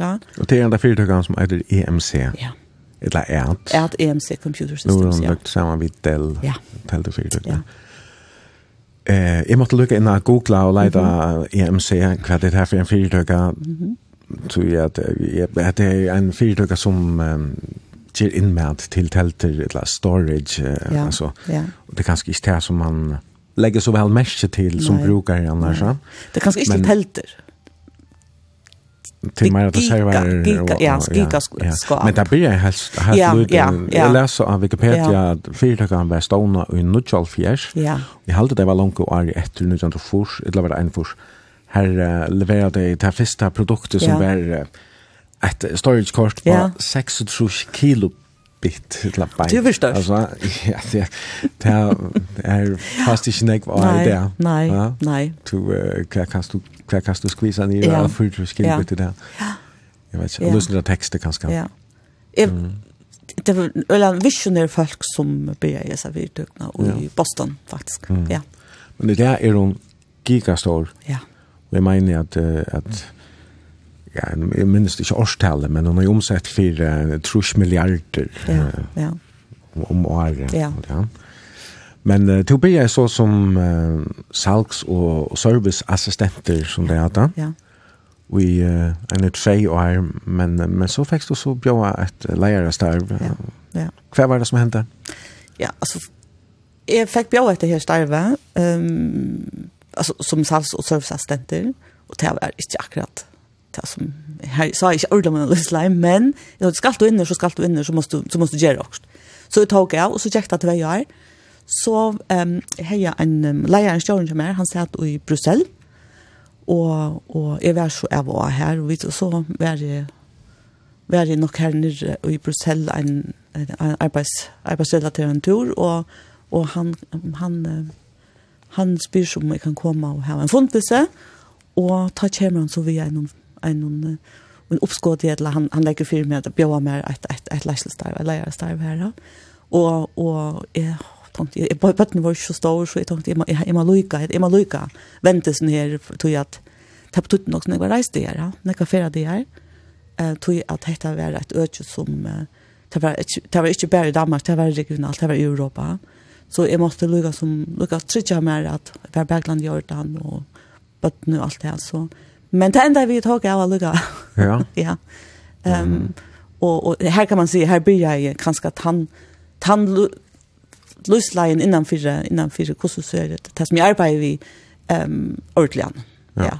Ok. Okay. Ja. Så to um, fikk fick et ett lärarstär ja. var det det var halte du nevnte firma her, at det var innan business operation ja. Og det var altså norr Europa som ja. var uh, ja Ja. som... Ja, Benelux-landene, ja, Benelux ja. og, og ødelegg-skandinaviske landene og Østerrike. Ok. Ja. Og Hetta det for så sms visser at du fikk um, utbygging ja. innenfor ja. Ødelegg, at annars varst du jo mer eller mindre kjolder da? Ja, ja, det var det. Um, jeg nu nevnte du Janne, EMC er ødelig størst, altså ødelig større fyrtøkker, Og det var hun eisne ta, men hun var jo vøkstre, og hun var eisne en sånn fyrtøyka som uh, var øljande uh, oppmerksom på at, at man skulle ha det beste følelsen, man ville ha det beste følelsen, ja. Og, og sjåvann så, så ble man jo en sinter, man tenkte, åh, det her er klappa, ble var spurter, og, og ta her man jo sånn, sånn stød, eller her har det, hvordan høtt det, ta, hvordan um, så man kallar för for talentutvikling, ja. Og det var bæg folk innan huset og i fyrtøkene, Och man får heia, jeg blir alltid säga, man heia slusen när man sedan trakt inn till universiteten, ja, særlig i Urland. Tog här bara en stor fabrik. Och de, tar man så kom in i det så fick man simpelthen lagt en, en kipa, ja, förlägga männing. Og mina så, det som er så vært, det var så speciellt innenfor Laslo, ja. Laslo och så innanför starfolk. Du tar hej, tar hej någon starfolk eh, under meg, ja. Mm -hmm. ja.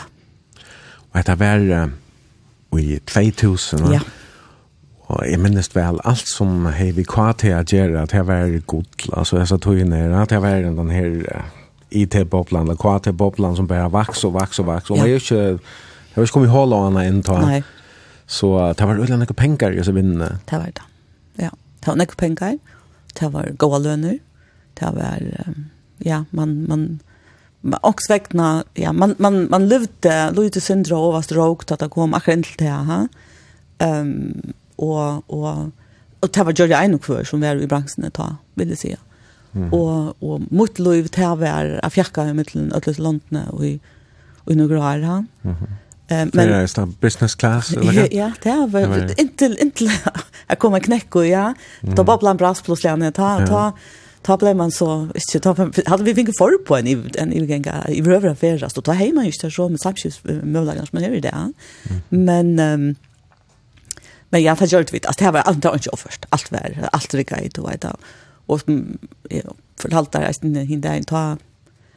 Jeg var sånn jeg vekk at den ene kvölden jeg kom hjem, jeg kom til Kastrup, og, og, og jeg minnes at det var, at det var Sankt Hans aften. Og sikkert tog jeg har vilja sloppe hjem. Men jeg skulle til Astea til neste morgen. Til et også annet land, kanskje minnes det, jeg lukker meg ikke. Og jeg har glemt telefonen, jeg har vært i Vesten Kastrup. Og, og onkel ringte meg opp, og så sier vi vi vidkommende, gå og kanskje ikke fære ut av gatene her og her, du, jeg skal bli første av flåfer i morgen. Så det var, ja, det var faktisk han, det var vi hei ta, det var harsht, tog at uh, man var målter konstant på eisen på botnene, det, det, det gjør man sånn stø. Um, to, det virker som så så dåst er det ikke, det er det ikke langt, ne? men men det är en ifs jag last helt av min kan jag auto och jag precis jag för årsfjöringar till man hejer ju mål för en årsfjöring så skulle du leverera och så bläst du lönter man hejer en grund men så bläst du pastvis lönt rätt då vi bonus chip han lägga ja och för årsfjöringar vär som en årsavslutning alltså det det vill säga det vet jag och ofta så ja så la jag simpelthen nøsen i hakst kanskje en för det er du at tog att man man fick snacka svövn man var man var on alla som det tog. Mm -hmm. Så men det var öla lärorikt och det var öla spännande och det var isen fantastiskt tog. Ja. Hur så vi um, ser någon alltså och familjen att du färdas så nek um, Jack och du familjelivet? Ja, det gjorde det. Mm. Jag blev skilt. Ja. men men det det det som det var skilt där men det Jack ehm det som är halt ganska ehm jag kan inte huxa att han har isen det är att själva det här vi är ju mist några ting um, klipp och klistra och och och allt det här som är i i avstånden och skolan och så där. Man man man tar hem man inte möjliga för att vara vid till allt. Självt om man röjner och hej möjliga för det att att styra en stor par själv. Så så så check då det att alltså är du ute och tek du så arbetet nåt så i ekosystem som människa så tek du det och så kan du inte bära det hållt. Jeg har menka steg klokkan fyra morgenen for en oppe i huset. Oh my god, jeg hadde for ikke si at jeg er sjuk, men jeg har aldri kjørst det. Jeg tonsa ut at jeg kastet opp, og så bare... Da man først besad i bilen og kom her, og så, så var man noen, ja. men, men ja. Tendra i kontakten. Og ja, det gjør hun. Men man heldt jo helst til det forever. Det gjør man ikke, nei.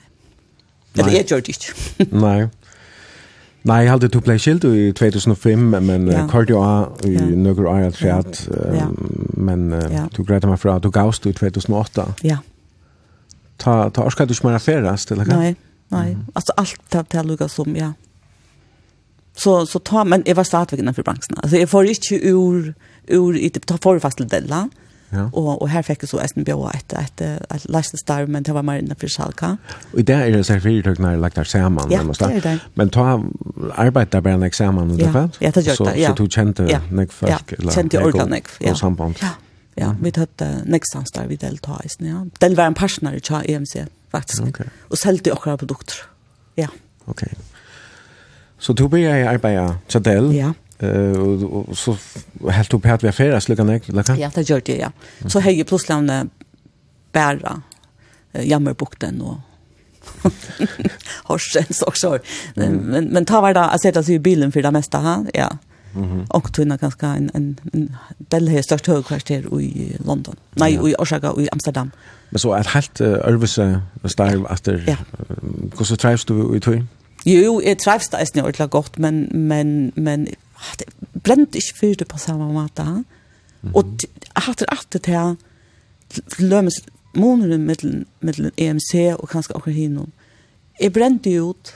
Mm -hmm. Men for jeg brente ut, måtte du brenne for nøkron. Mm -hmm. Og jeg brente for starmen og tja, ta i hver EMC. Det gjør det virkelig, men jeg brente jeg snu ut. Gjør det ikke på samme måte, så det, det, det var ikke helt. Jeg vet ikke. Nei. Men det er ofte han i halvdige tidsjes, hvis man hever et starv, og, og så gjevst man, og så fer man inn i et annet starv, så er det rea ofte man høyrer om, så er folk ganske ikke rea lunge ut i neste starv noen natter, mm. tog ångest vekkene, så man tar tek tog jeg kommer hvor jeg er. Mm. Og kanskje har hatt det for tatt opp på, ja, jeg slapp undan av ferrast, men, men stadigvæk var øljane, og i seg hektiske bransjene var stadigvæk hvert halsen og alt, og, mm. og, og, og, ja. ja. Det andre er heldigvis for å spille en sangatræt, og um, Du valgte Eagles og sangen Take It To The Limit. Ja. Jeg vet ikke om du tog at du tog det helt ut til mars til her, til EMC. Men jeg halte jeg snett en vi en konsertfer som tid av å være to Jan Peterberg, ja? Ja. Ja, og jeg vil si at Eagles er jo eisende fra, fra min ungdomstøy, til å være jo nekka som fyllt i Ordanek, som orkester da, og så halte jeg Eagles er en fantastisk ljå. Eagles er Ordanek Kål, der synes jeg nesten atler, Mm, ja. ja. ja eh, og, og ta der i paddelen noen. Og, og så var vi faktisk, jeg hadde vært så nødjan, at Eagles spalte um, i Royal Arena. Her var nekveføringer. Men um, ja, bedre, vi, uh, vi fast leist at det landet en konsert her, og det var en helt fantastisk konsert, ja. Så, mm. så det er, det er ja. Vi tar her, Eagles, take it to the limit.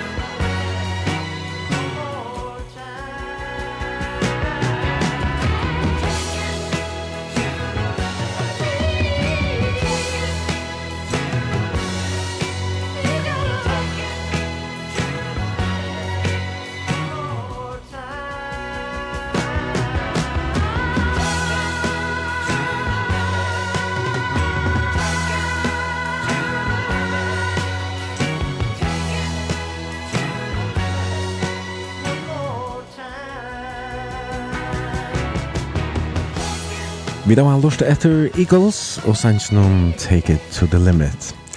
Det er Diana Gillstone som er gestur i bransje morgen og vel et håndleggen. Vi da har sendt nu i, ja, halv en annan tøyma av Fruetrø i Havn. Og vi sender beinleis. Tusen lort er velkomna sendane bimerskjeng. En helsan et langkran spurning. Og at 24.00 etla av Facebook-søyne til bransje stavast B-R-O-N-S-J. Og Diana, ja, nu vi da har prata sindr om uh, karrierina tja der uh, alt tjoa karrierina, ja. yrkesleina er av EMC, som var en uh, spennande tøy, uh, lærerøyk tøy, en tøy av uh, i iverhallingar uh, banan, om man ja. kan se det så. Men, uh, men du fikk uh, ångsvegna nok av kva til vinnen i alt, ja? Ja. Og at hun har starvast Chadell uh, som storage manager i en tvei år, så gavst du eisen her. Og ja. for at arbeida innan, uh, ja, det er ganske det nærmeste som, som du har arbeidt uh, utbyggvinsene som laboranter, du har arbeidt innan uh, bioteknologi, så ja. var det var det ikke utgjør og annet som vi har selt til laboratorium av, av sjukhusen? Jo, um, det er Darkov ta, men det er ikke så agilent i det. Og, og en fyrtøkker som, um, som gjør berget hål, og um, ja, så er det til det så, altså berget hål og, og, og eisene væsker, altså utgjør, som man brukar til tål, til at um, selja innanfor krabbameina, at, ja. um, at um, diagnostisera altså krabbamein uh, på ymska matar. Og, og det var jo, egentlig ikke tog at jeg var til at jeg gjør det, det var ikke tog for her. Det var sånn at det var starve, selvstarve som, som det at contract manager alltid det. Um, det at at kunna her skulle jeg smere biler bytja noen ting opp, og det var noe som jeg rønte vi, jeg rønte vi å gjøre, bytja, jeg tar i verden, jeg bygde jo et helt opprundan om det som jeg gjør det, og jeg kunne lukka som vujar for at jeg hadde rønt noen i hei her, inn til Dako. Og til Dako, eller så Agilent som det er i dag, her um, hei er ikke starsfølge Læslo, helter, men eh, tog var i uh, leiernivå Ha? Og det var noe som tiltaler meg akkurat da, vil jeg si, at uh, jeg skulle fokusere på på at jeg han mer administrativa parten, eller den kontraktslige parten av, av, av starven og ta hei så alt i Europa um, som uh, som arbeider øke, og løye nok Australia. Ok. Mm -hmm. Jeg kom angat til Australia. Nei. Nei.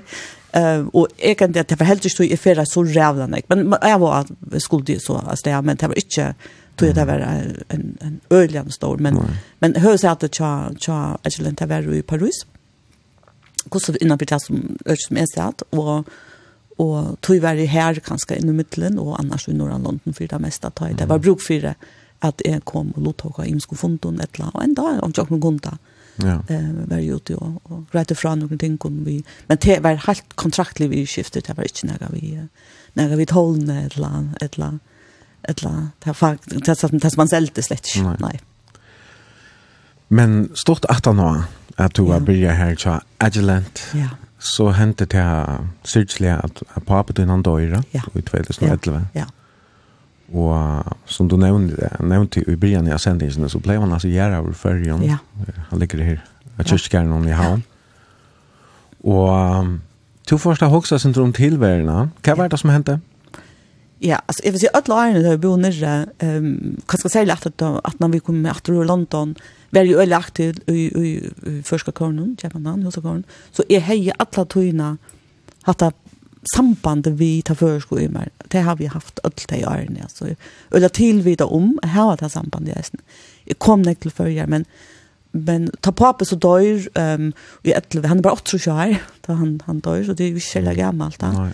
Ta byrja man så til Lucas må hukse om sin egen livslei, og hva er det du vil ved liv noen, og, og, og, og jeg har vi oppleva så, og jeg blir rævlig heppen, jeg blir øyelig heppen, jeg har oppleva nek, vi har sloppet nek, vi han innanfor, bare, bare privat, men nesten innanfor, for mitt arbeid. Så ta, begynner jeg ordentlig å huske hva jeg skal mot neste fet vera. Jeg var, jeg var, jeg var ensam møtl, og den yngste sonen, han var, han var ferdig, og han var flott til førjer faktisk, og den yngste sonen, Alessandro, han var, han var ferdig, han var inne i militæret da, som mm -hmm. verneplikt da. Ja. Og flott til hjemmefra, han flott til Norge land, så, så, så Så här satt det så ensamöld og så tenkte jeg, skal du nu börja huxa om att vända nösten hemåt? Ja. Det var lukka som början spåren til at, at halda eia vi hva det hente ja.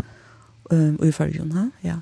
Men hvordan blir, altså mamma din bor jo i fyrjun, ja. var varst du ofte vidtja henne annars da, da Arne du ja. bor uh, nere? Ja, jeg var flere fra Arne hjemme. Bøtten kommer her, har eisen særlig den eldste One, han er altså, han var hjemme hver jeg fyrir, han slapp. Mm det kunne jeg så ikke alltid, men, men jeg, og jeg var nekva hjemme eisen. Så selv tar jeg etter at det her blir så mye større, og, og ta for, jeg kunne gå finne på for hjemme en, en høst der ganske, og så mm. nyr at sånn der, bare, og ta for bare stumpa. Ja. Og ungen, Anna visste det en mamma at jeg kom hjemme. Nei. Og du, du har vært kanskje et eller annet sted alltid hatt et hoskål man flyttet hjemme til på på ja. et eller annet tidspunkt eller Ja, jag jeg, jeg halte det det er lyen i ömar og det er ofte något til men först kvinnor som bygger nere, og så det det blir slett släck överraskande. Ja? det sättet skulle det vara näka så skulle det vara som för hemma. Eh ja och där när kvart hem och bygga bygga ner igen. En annan vinkel jag mer hon hon flotte faktiskt tej flotte samstundes Janne och Barstad allt flotte hem bänt om samma månad. Så det var och och och andra isen så man var inte helt så när man tänkte okej, okay, det så det kan alltså göra så att jag har näck näck mer borst den tej. Ja. På den dag alltså i 2011 och då började jag tax i 2012. Ja. Og her er du så starvast, lykka så igjen. Mm -hmm. Kanskje vært her starvet du har haft langst i, i livet? Det er faktisk noe du sier det, ja. Ja, det er det faktisk, ja. Hva var det som fikk til å søke starvet til Drax? Ja, for da visste jeg, så har vi da ikke nye vi tog. Altså, jeg, jeg, kjent, jeg, var, jeg var kjent vid til fagøkje, som man søkte en lærer til. Ja, og du sa simpelthen det var en, en, en, ja, det var en, en, en, en, en, en, en, en, en, Og jeg tenkte, det visste jeg, jeg har kursus for kompetansen her, og jeg tenkte, jeg kan gjøre noe. Jeg vet, jeg kan, jeg kan flytte noen ting. Og, og så, um, så jeg tenkte, hatt det her, hatt det her, ligger faktisk løkere veien til meg, at, at, at det er inn, at, at søtja han. Mm. Og du starvast altså som deltaleier av Støtnerskristorens ja, attak, så det var det som det ble sagt etter? Nei, det var det ikke, nei. Uh, ta i et sagt starv, det var det som leier for kontatensene. Okej. Okay. Ehm um, och och och det var så tär starve som effekt har och det var en av orsakerna en annan orsak var är nu tär det har vidt som som känner mig och som tåser sig med att det var en stor pastor var är inte att eller en pastor du det är til at man man ser ju også läs lite dag, så jag vill inte gärna vara vitla släppa att att sätta mot finger med så att att vanande jeg kunna kunna gjøre mot utkast till att att göra något ting bättre eller Jeg vil ha vidt la litt av stånden, um, og til leina, som någon hver bryr takst, att jeg bryr jeg, at att vil vi och att to feriene som, som tax nu har haft til Lukas og Ja. ja. Og her er nok hentan ekva brøytingar innan tax ja. til søste to åren, ja? Ja, nekva, ordentlig nekva. Taltidrin hever, ønsken i at, at, at samfunnet blir mer talgilt. Ja. Gjer jo til at vi, vi har helt era møvleikar at bæja samskifta, men i at at at avgreia okkara ting i forhold til hesen for en taxa ja. Mm. Så samskifte til, til i det anheten og, og i appen uh, i mot til fyrverdan skal mer at för om man la printa omkring blanketter ut uh, hemma så inn eller för om man etter uh, omkring på pyron ja. till ut och så där. Det är det. vil si säga hovast här förringar har en tendens till tar skolor inte. Så för en tid telefonar är sminka jag. Det blev vi här rinja det är kanske minka lite synd men men det är nog stil där komma där. Så får man lucka som sett några spårningar. Akkurat. Det kanske så att man inte fast vi så ofta det. Nej. Akkurat men men är så säga att men den stora mononen är att att det är inte så näck som som lägger lina innan golvet jag taxi där. Och den parsten som kommer in och det lägger vi öla väl mest till. Det är fast utlänningar. Mhm at disse utlendingarna som arbeider i fargen og, og som har kanskje tørva at, at få en personlig avgreisla. Og det er eisen ta maten i halta skal være på, at vi får talsett, vi får just noen ting, vi får sjølve inntappa, vi får avgreit nekva hver ting om bæja borgarklokkan og vindklokkan og hver fyrir klokkan man nu hever. Og til gengæld så kan man så sija akkurat starffolk, så har det heim nekv bedre stunder til at avgreit hei som ikke mekna kanskje for innan klokkene, og et med utlendingene har kanskje mm. ikke alt sneppet til han. Nei. Er føringar annars lattere å få flyta iver og en, en nudjan paddla, så er vi donan litt til å bruke altså, her appen her og tar, tar nudjan møllegene? Det er veldstom. Um, det är om det kan gå vara sin direkt i mitten men men jag vill säga man ser öljan väl att det är bulkar i samfunnet som har neklattar vi att hävda tillstånd. Mm kanskje eisen folk som har bo i utlandet noen, de, de er jo vån via skolan. Altså, prøve å kontakte Skatt-Danmark. Mm. Her er ikke chans, du kan bo i et halvt år, altså. Ja, ja, ja, ja. og ringer du, så er du nummer 100, tror ikke hva så, så ta, man, man blir tvungen den veien, og, og det er ikke ny vi tog. Men jeg har alltid, altså, Och jag filosofi i taxi är faktiskt han att vi skulle vi skulle röjna tältskilda allt det som vi kunde tältskilda. Tog att vi skulle röjna bruka och orska på tej och tandbölken som så ikke har vi så nevnt vi det. Og den bølgeren blir alltid å vinnast. Ja. Og i større eller minne mån. Men jeg trykker vi på at den bølgeren vil minne. Mm. Så selv, um, jeg pleier ofte å si, at hvis du do Facebook, så do du hesten for inn og lukker. Ja, jeg, det lukker vi. Det må gjøre det rett. Ja, altså, Jeg har ikke vært særlig stinner i å bruke så här tal till det möjliga jag har ju en av dem som ringt om man eller affärer om man och, och finns ju kan hjälpa mig utfylla och på på Men, uh, men nu har vi pratat mm. senast jag har när man ser att det är otroligt lätt och, och då särskilt beina väl alltså Och den här kipan, hon, hon hjälper där att räkna ut akkurat mm. upphatten är döms. Det snurrar sig om, om färre och iska i eller vad det heter. Färre stol ja. Färre stol ja. Att du, du, du skriver och tassar in kvar. Kipan vet långt kvar du bor. Ja. Och du tassar in Ja. du arbetar och så kommer allt. Alltså ja. själv närmast. Ja så jag hade det här vi vänkan och samläggan och det var störst framsteg alltså absolut alltså ja. Leine. ja absolut så nog nägat man visst och pröva då och så åh hade det går ja. om man får ganska några pengar att eller vilka att han har lagt ja det är fantastiskt ja, ja. det gick så kött och och lätt och det gör det ju alltså tror man man brukar ta till så så för det kött i kökensystem ja. Ända visst man ska allra ta ska man det in kan det är den där när jag sitter alla några hooks i kampanjen och så för jag får förringar att att att bruka så här Ja, må vi ja. Altså, en nu nu nu för skatteuppgörelse nu då man löta och och och självkanar. Och til tar man för nu där om man får pengar efter. och og skatte fra i fjör och och ja, så nu för en kampanj gang då man här om en två veckor ett lockshort. Mhm. Så det kanske en instant men ändå så för en kampanj gang kan man lucka som för at alltså tja att vi lucka som röna få folk att färra och få så här samlaikan, hvis man kör han och att att røyna færa inn tannvegin, till man fær på beina vegin. Og tror ikke tog jeg brøvn ikke att sendt ut standstundes, men til bare at jeg brøv teka tog jeg komme fram. Ja, nemlig. Alltså, ta, ta, posta skal jo också. ja. ja. Så kontat hennes da, altså, og, ja. og samskiftet innan stående, til noe som, ja. som du finnes vi. Ja. Og så, ja, du, du er ikke han som sitter og arbeider vi uh, skatter vi i skiften. Det er mer ja. starsfolka vi i skiften, ja. du arbeider ja. vi i Østene, ja, og trivna i Østene. Ja. Og det her vi at, ja, hvordan gjør man, hvordan får man at høy med å fungere ja. så, så godt som gjør litt, og, og ja. til, til noe som du har rundt vi? Ja, det er det. Så da jeg blir ikke takk, så var jeg øyelig happen, jeg fikk lærte en, en kanning som man har gjort, og bjent her, en brukerkanning, um, heter vi at vi tar 13. Og her tar så vurste, um, og reale nøyaktig, hvordan, hva føringer helt om, om taks, mm hva vi var gå, og hva vi var minne gå, og hva vi kanskje, kan man si, gå en dansk om sokka, ja, og litt sinter.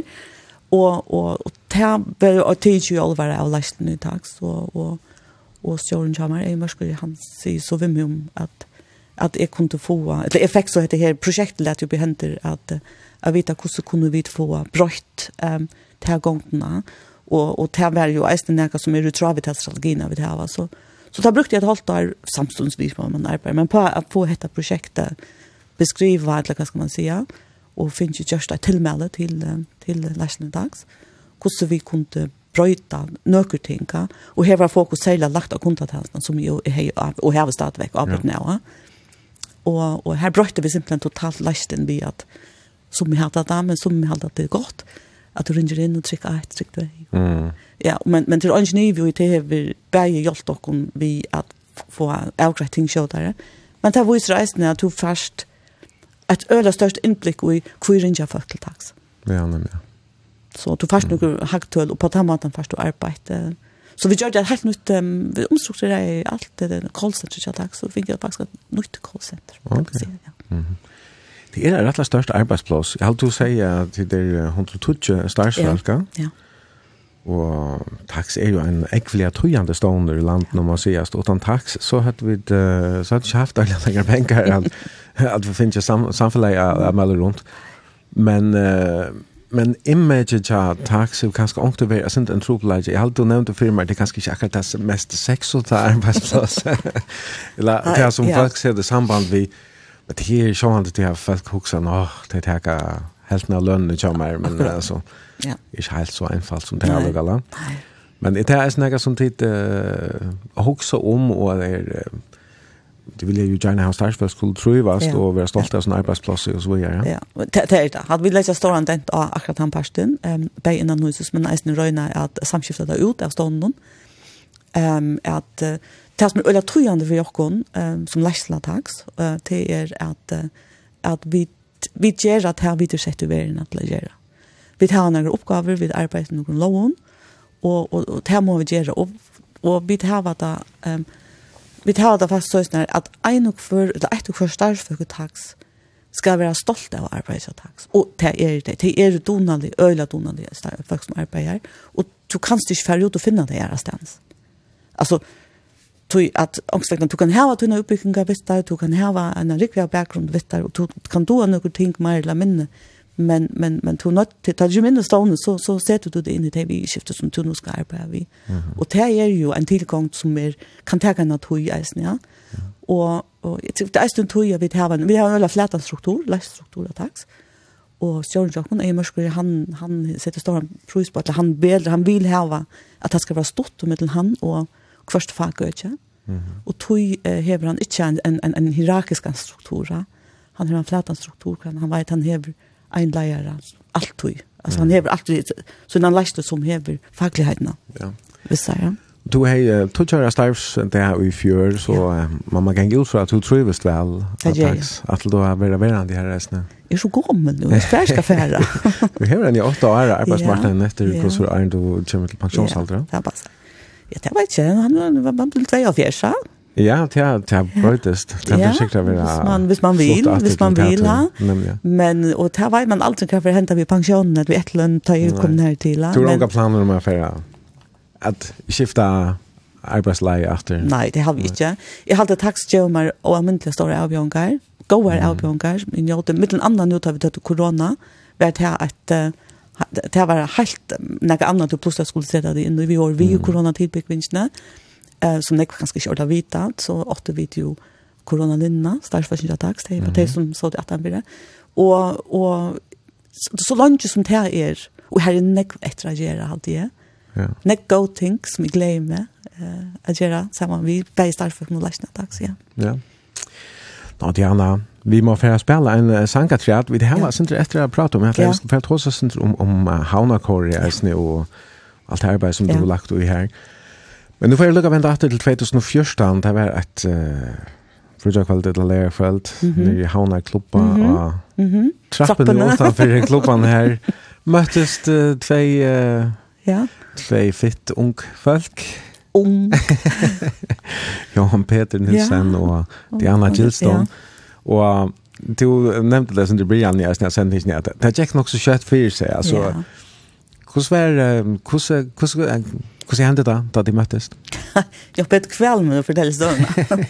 Ehm nej men det var forferdelig verkligt det räknar akkurat det ger jag med mannen han akkurat vi har haft han nu och och man jag var faktiskt hem och så tog nej men look inn på att det är nu kan vi vite om det ikke va.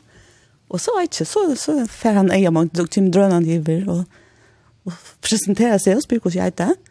Så jo, jo, jeg heter Anna og han, ja, han heter så Jan Peter. Så, men nesten han sier hvem Det jeg ganske her han er det sint i min. Han sier, er du støk?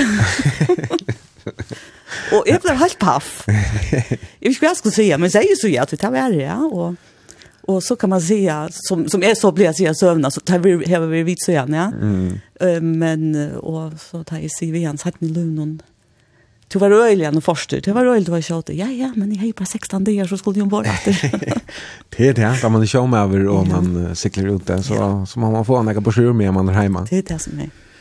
Nå, Diana, du valgte at vi skulle høre Hamradon. Ja. Og leie Fektarfer.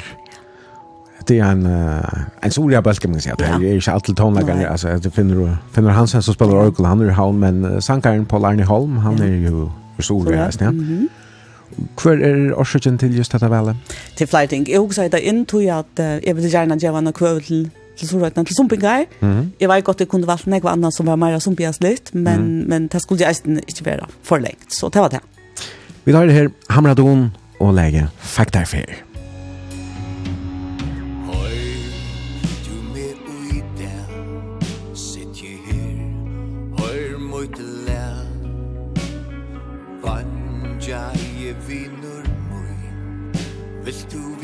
vita kvært i kväll Fyren mun heim Fjaldur åtti og fremman strøm Flykt jo fløye tøyt Til fjalla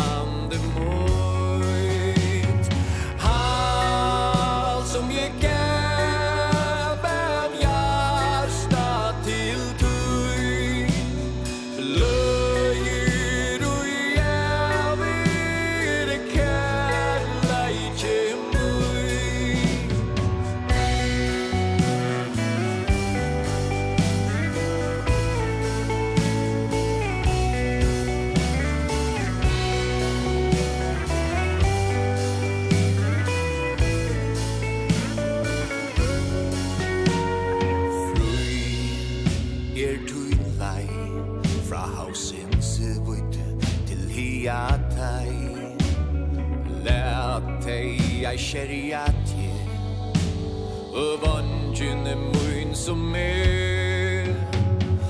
Vil det jobba her? Fjærskott til land.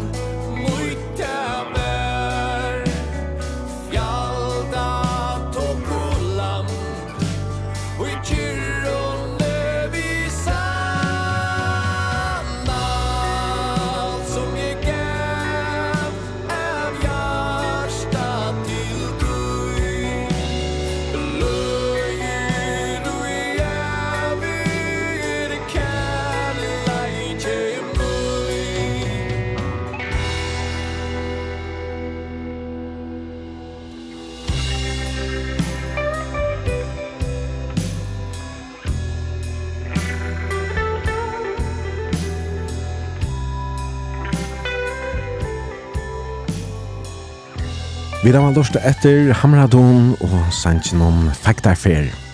Det er Diana Gilston som er gestor i brunch i morgen. Og hun verda nå i kjøtt tvær timer. Og det er flere som har sendt helsaner og spurningar, vimerkningar til bei 2400 og eisne av Facebook-søyne. Her skriver jeg med den andre en Goa Lady D. Lady Diana. Halvdige vekker det. Takk fyrir dei mange gode arne i husakornon. Her er du nøytte til ni organisatoriske evne vi er noen veldig om engasjementet. Ikke minst tar vi gjør det kori om til et fela. Ja, det gjør jeg. Det er akkurat jo. Ja, det er værreisende. En fantastisk tøy. Mm -hmm. Husakåret var en øyla stor parst av munnen trivna i eh, tøyboner. Ja. Ønsken er jo tøy, altså her. Og jeg brukte nekva tøy på det. Mm. Og at det tar hem i brente for det, ja. ja. ja. Og da det så flott til færger, så var det nok så naturligt for det at um, byrja sin vi havna korn. Ja. Her var det åpenbart nekva at de som, som høyte vi i husakorn og var Ja. time. Ja. Færna sin ja. Ja, og liksom jeg kjente fra munnen, fra, fra Batna Aron, Ja. Som han syns det var med mamma min. Ja. Um, det var ja. vi enn i korn. Ja, ja, ja, ja. Det var still going strong. Um, mm -hmm. og, og Så på den att han var där. Sen det hamlet att komma faktiskt in i han och kår. Så är det inte låda att hon tar ju plötsligt hem och spurte om om det var möjligt att å komma. Sen jeg vi i han och kårene. Ja. Så i heje och gå jeg har hava gå alla vi nå grar Og en life Hansen tog över. Ja. Ehm och alla ble blev vanlig sangare kan man säga på från Karolastene. Ehm och det var det var tja mer ölande gott att komma in här och få allt som ta nettverket på en av vägen ta i flott i heim. Mm. Det är öliga överse att flytta och i en så man bor i färgen, att flytta och inte hava till dömsbörd. Du, du hever inte ett naturligt nätverk som badnagärd, skola, mm. eller utrottarklubbar och så. Så man, man, man finner sig själv fram, men man trivas själv fram. Ja. ja. Och det var lätt att komma in i Havnakor och också ja. i Ja. ja. Mynte ganska sindre om ja. husakår eller ja. Det gjør det, det var ikke nye det var øyla større samstarv mittlen en, en gammel kårleger, Marianne Klausen og, og, og Olav. Olav og pappa Marianne var jo snøyla vel, Karl Klausen. Mm mm -hmm. som har gjort nekve innanfor tonelike, men Anna Kjolv gjør det øyelt arbeid innanfor tonelike-reisene. Ja. Så, så ta, ta sangvele som uh, havnar går i heie, det kom ofta når beina leiden inn til kjeppene havnar. Ja. Så er sånn at vi i, i, i husakåren, mm -hmm. eisen sung, middelen annet sung vi nek holm på, Ja. Eh och och och det är ju något som han har faktiskt gjort så fra byen er som ser frøyng til, ja. ja. Og Berge er jo blanda kåra, ja, og Berge er blanda kåra, ja. Og man fikk vi Ja. Hva heldur hva heldur du er, er styrkjen uh, tja hauna kåren om i mun til ånne? Ja, altså, tøyr brøytast, og det finnes jo øyla nek kåren for jo, det er heldigvis, nek fantastisk kår, og det finnes kår for ein og kvann, vil jeg si. Eit og kvart kår som er i fyrir, det heves ut berattelse på alla matar, ja. Tøy tar ikke man på hva forstøy du erst av, så rent sanklig, ja, men tar ikke an på hva hever du hodla sinja, hva er det som ligger under hjertan Og i det hever hauna kåren etablivet la kår som er som fokuserer ena mest på storverk. Det er ikke nye, det ligger Leif Hansen, som har kørt hjertet Johan nok nær, hadde jeg man godt kan sige. Og han dover godt, um, han dover bedre og bedre eisene, men eisen til at han, han dover vel at lukka som man får kunne, at, at mestja da, han dover vel fortelle søvnene rundt om, um, for at han mäster att du det är ju ofta när från 1800-talet om det ser kvar väsen ja. Mhm. Och det det har vi har lagt och etter. Jeg halte at det er... Um, en spännande uppgåva kvar jag för. Eh det är fantastiskt att släppa släppa sin jadaisne. För släpper att sin jag nästan den kvar ju när jag störst korversk vi orkester och solistum. Det är till ett öjligt arbete bäge bäge sankliga och och för tonlagar. Men eisen för eisen bara få projekten hänga samman det kostar några pengar. Ja, men ja. Ehm um, så att Och tar man kan man så säga nu sitter vi ju hitcha om man har av musikskolan. Ja, den gamla. Den gamla musikskolan och här har vi på Jan Petre så grannarna Jakob. Mm. Ehm um, haft nekva glädje så tjej ser unko. Mhm. som som spela kom vi sån rotthall nattan och vi sån sån kassa och för avenia. Är så ju det i som jag dam i Norrland hos någon. Ja. Men är så ju det ju Akkara Kaure, Eisne, ta mm. vi bit här var orkester vi Og jeg halte til en veldig viktig parster eh, som hos ser vi med, eh, og som så er det her som kanskje konsertfellet kom ordene jeg vinn, til det her at vi er vi til eh, åndsvekkene, at jeg hvis en unge er møvleika, er at slippe å spille et storverk. Ja. Det er, det er ikke akkurat jo nære at, at, at, at til døms at symfoniorkestret helter framfører seg over det. Mm. Så, og, og ta er lærerne av musikkland, øljene, øljene, øljene, tilvidare om at teka tegnhemingar vi som mekna at, at spela byorkestron til det som vi nu framfører. Ja. ja. Ja, og tid her var ofta eisne gesta, tonleggere og utländska solister ja. vi av konserten. Ja. Men, uh, men först og solisterne, der var det altså flere detaljer eisne, ja? Ja. Og det er ganske særlig å takke musikkskolen. Ja, det vil jeg si. At det er arbeid som musikkskolen har gjort, det er helt avmiddelig og viktig og vi vi börjar söka frukterna nu av tog arbeten som man har gjort Og det er, är visst onkel lät vi bare för av flere og flere som vi söka For han tar vi har haft några tonlagar ut öll ärne men det är också som sangerne har vi ikke. så listene har vi ikke vært så näck för Italien så man har haft självande som Rona Brattenberg og man har haft um, Ernst, her, ja, Ernst og, og, og ja. Beckham. Ja, Becca, mm. Becca har vært overført. Her skal hun, det er helt sikkert. Hun gjør seg kanskje ikke akkurat her langer, ha? Nei. Tora, det er, det er flere, ja, ja. så, og det gjør oss flere, flere. Det gjør oss flere, flere, men nå, nå husker jeg eisen om de som er ubekvinn, konservatorieubekvinn. Ja. Og, og løtene har vi, sørst før, sørst var verskatlet med Tøtto, det var uh, Jolloratoriet, Tjabak. Mm -hmm. Her var det Birta Poulsen, ja. som, som sang um, kvinnesoløyene, og er, halte av byrda skal synge atter. Ja, ok. Uh, og i var tar vi for å synge Mendelssohns Paulus. Mm -hmm. Spennende. Ja. Men annars som uh, forskende fellene, så er det eisen uh, tøyne oppgave at uh, sier for at klivnærveren han uh, fungerer eisen, ja, og ja. folk tror vast, og så videre. Og man hører ofte at, uh, at til stått til det jeg kåre, til det var stått til opplevelser, mm. til flere konsertferier, og, og ja, ballen är mega god. Ja, fast när skulle jag gå det var sånt sunche nej. Ja. Man har resten också om om da de færre turer at de är ganska sinje och så nej för att nims i hotellen og det er ikke alltid att det er opptøyne at altså, är da nå kommer vi til ferie, da har vi sånn, ok, Det går väl nå, nå må vi nok lykke ja. Tacka og, og, og dempe åkne center men ja. Det er så ofte en tas med vanten vid det ganska. Vi syns inte lauta vi det sen du ja du hört vi hörast ja. Men jag håller fast trivas väl as in Korea så det är nästan jävla og til tycker Korea er fullt alltså hur Korea är plus for flyg akkurat vi låter nu kostar nei. Men til till något du vilt vimma i alla fall till annars affärer som du kårar. Jag hade det här, hvis man visste hur bra det Mm. Och kanske vi vi en en en tjock år og kanskje vi en återlanda ferie eller et eller annet, Så så er man selv det är man. Hver er er det beste opplevingene som du har haft ved, ved kåren? Eller kår sammanhengt? Det er sånn jeg var, jeg tror ikke jeg pilka henne ut, det må jeg si, men, men altså, det er alltid det her utenlandet er jo øla størst. Det er det, du tar livet du sammen som kor og i sånn jeg var det er, og alt er bare fokusere rundt om det, og det er øla festlige folk. Korfolk Kårfolk er forferdelig festlige, det handler vi selv i gos. Um, men annars vil jeg si at det er store opplevinger, nu är västen som vi som vi framför att det är kvarja färnar. Ja. Följer bara. Man helt kommer vid amal vi är helt vet om man knocklar och man knocklar men men tar man så ständer det här och levererar till er helt fantastiskt. Ja. Ja, vi får att ända vi är någon uh, Sanche som uh, Hauna Korre sänker ja. men Arlen vi kommer till han så också jag lycka att läsa några hälsaner. Ja.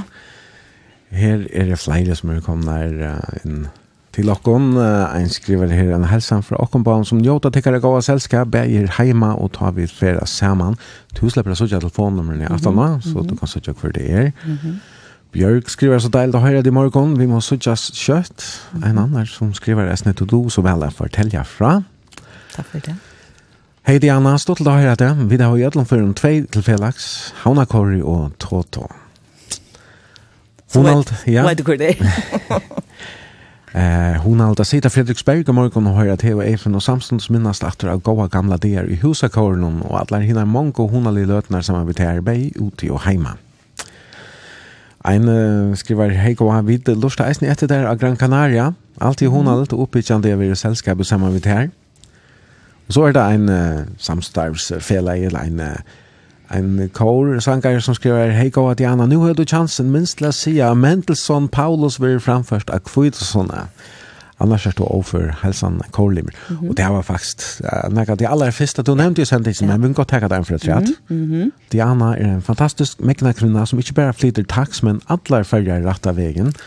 Helsan ur hotna skrivstående. Mm Og en annen her fire myndelta, og her er en Sanna eldsval som brenner for fellesskap noen bei yrkeslia og i frutøyne.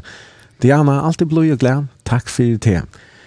Og her er flere Hei du slipper å lese der mm -hmm. atler, og resten nek som jeg har vi mest under myndene så der av Facebook. Mm -hmm. Takk for det. Men uh, vi får altså enda vi uh, havnakåren Ja. Og etter er, er um, den sangeren som eider Sløttomen, kvui just henda sanjen. Du te er inkarnasjonen av hana korn. Te er holm på. Eh man høyrer beina veien til hana korn som synker, sier den i hesten her opptøkken som har vært.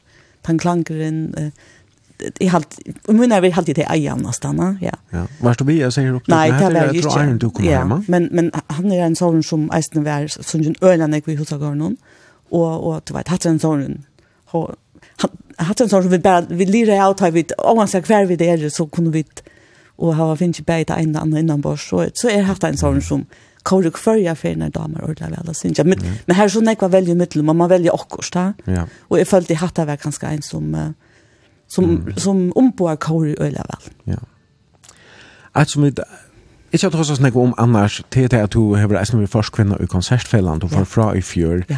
Så vi får ikke stunder til at trossa så eller nek om det, men... Uh, Men det är området det är det är ett fälla som som skipa fyra en fyra orlion konsertstund där jag där sen så tog jag över Aston Villa stola Stella Polaris sandkappingen ja. Så ja. Viktigt arbete ja ja. helt säkert har vi en fantastisk nämnt nu Mm. Öland mer fakli på tammat annat tid är vi vi gör för sånt här är vär som organisatorerna en annan affär. Okej, okay, ja. Ta, men men är det ungen det visst angår ju att här arbetar för inte de går att ta ta. Ja, Diana, jeg får takke deg for at du kunne komme og vite det her av fru, tror jeg, i morgen. Det var sterk hun har lyst. Takk for at du komst, Eiffen. Mm, wow, ja. ja, takk for at du komst. Og lekker brunch, Jan mm -hmm. Peter og Gjørt. Mange takk for det, Jan Peter. og bare si det her, njøte utsøgning i havnene, det er helt ja. fantastisk. Ja. Ja, Hetta var altså brunch hesa fer. Just the var Diana Gillstone. det er DF Jensen, og bare at vi brunch og noen gjester kommande leier der klokkan 5.30 vi tutsi. Vi enda altså vi hauna kornon, det er Olavur Hatun som støttnar, og sannsjonen slett og enn. Takk til oss som lorsteie, og godt vikeskiftet.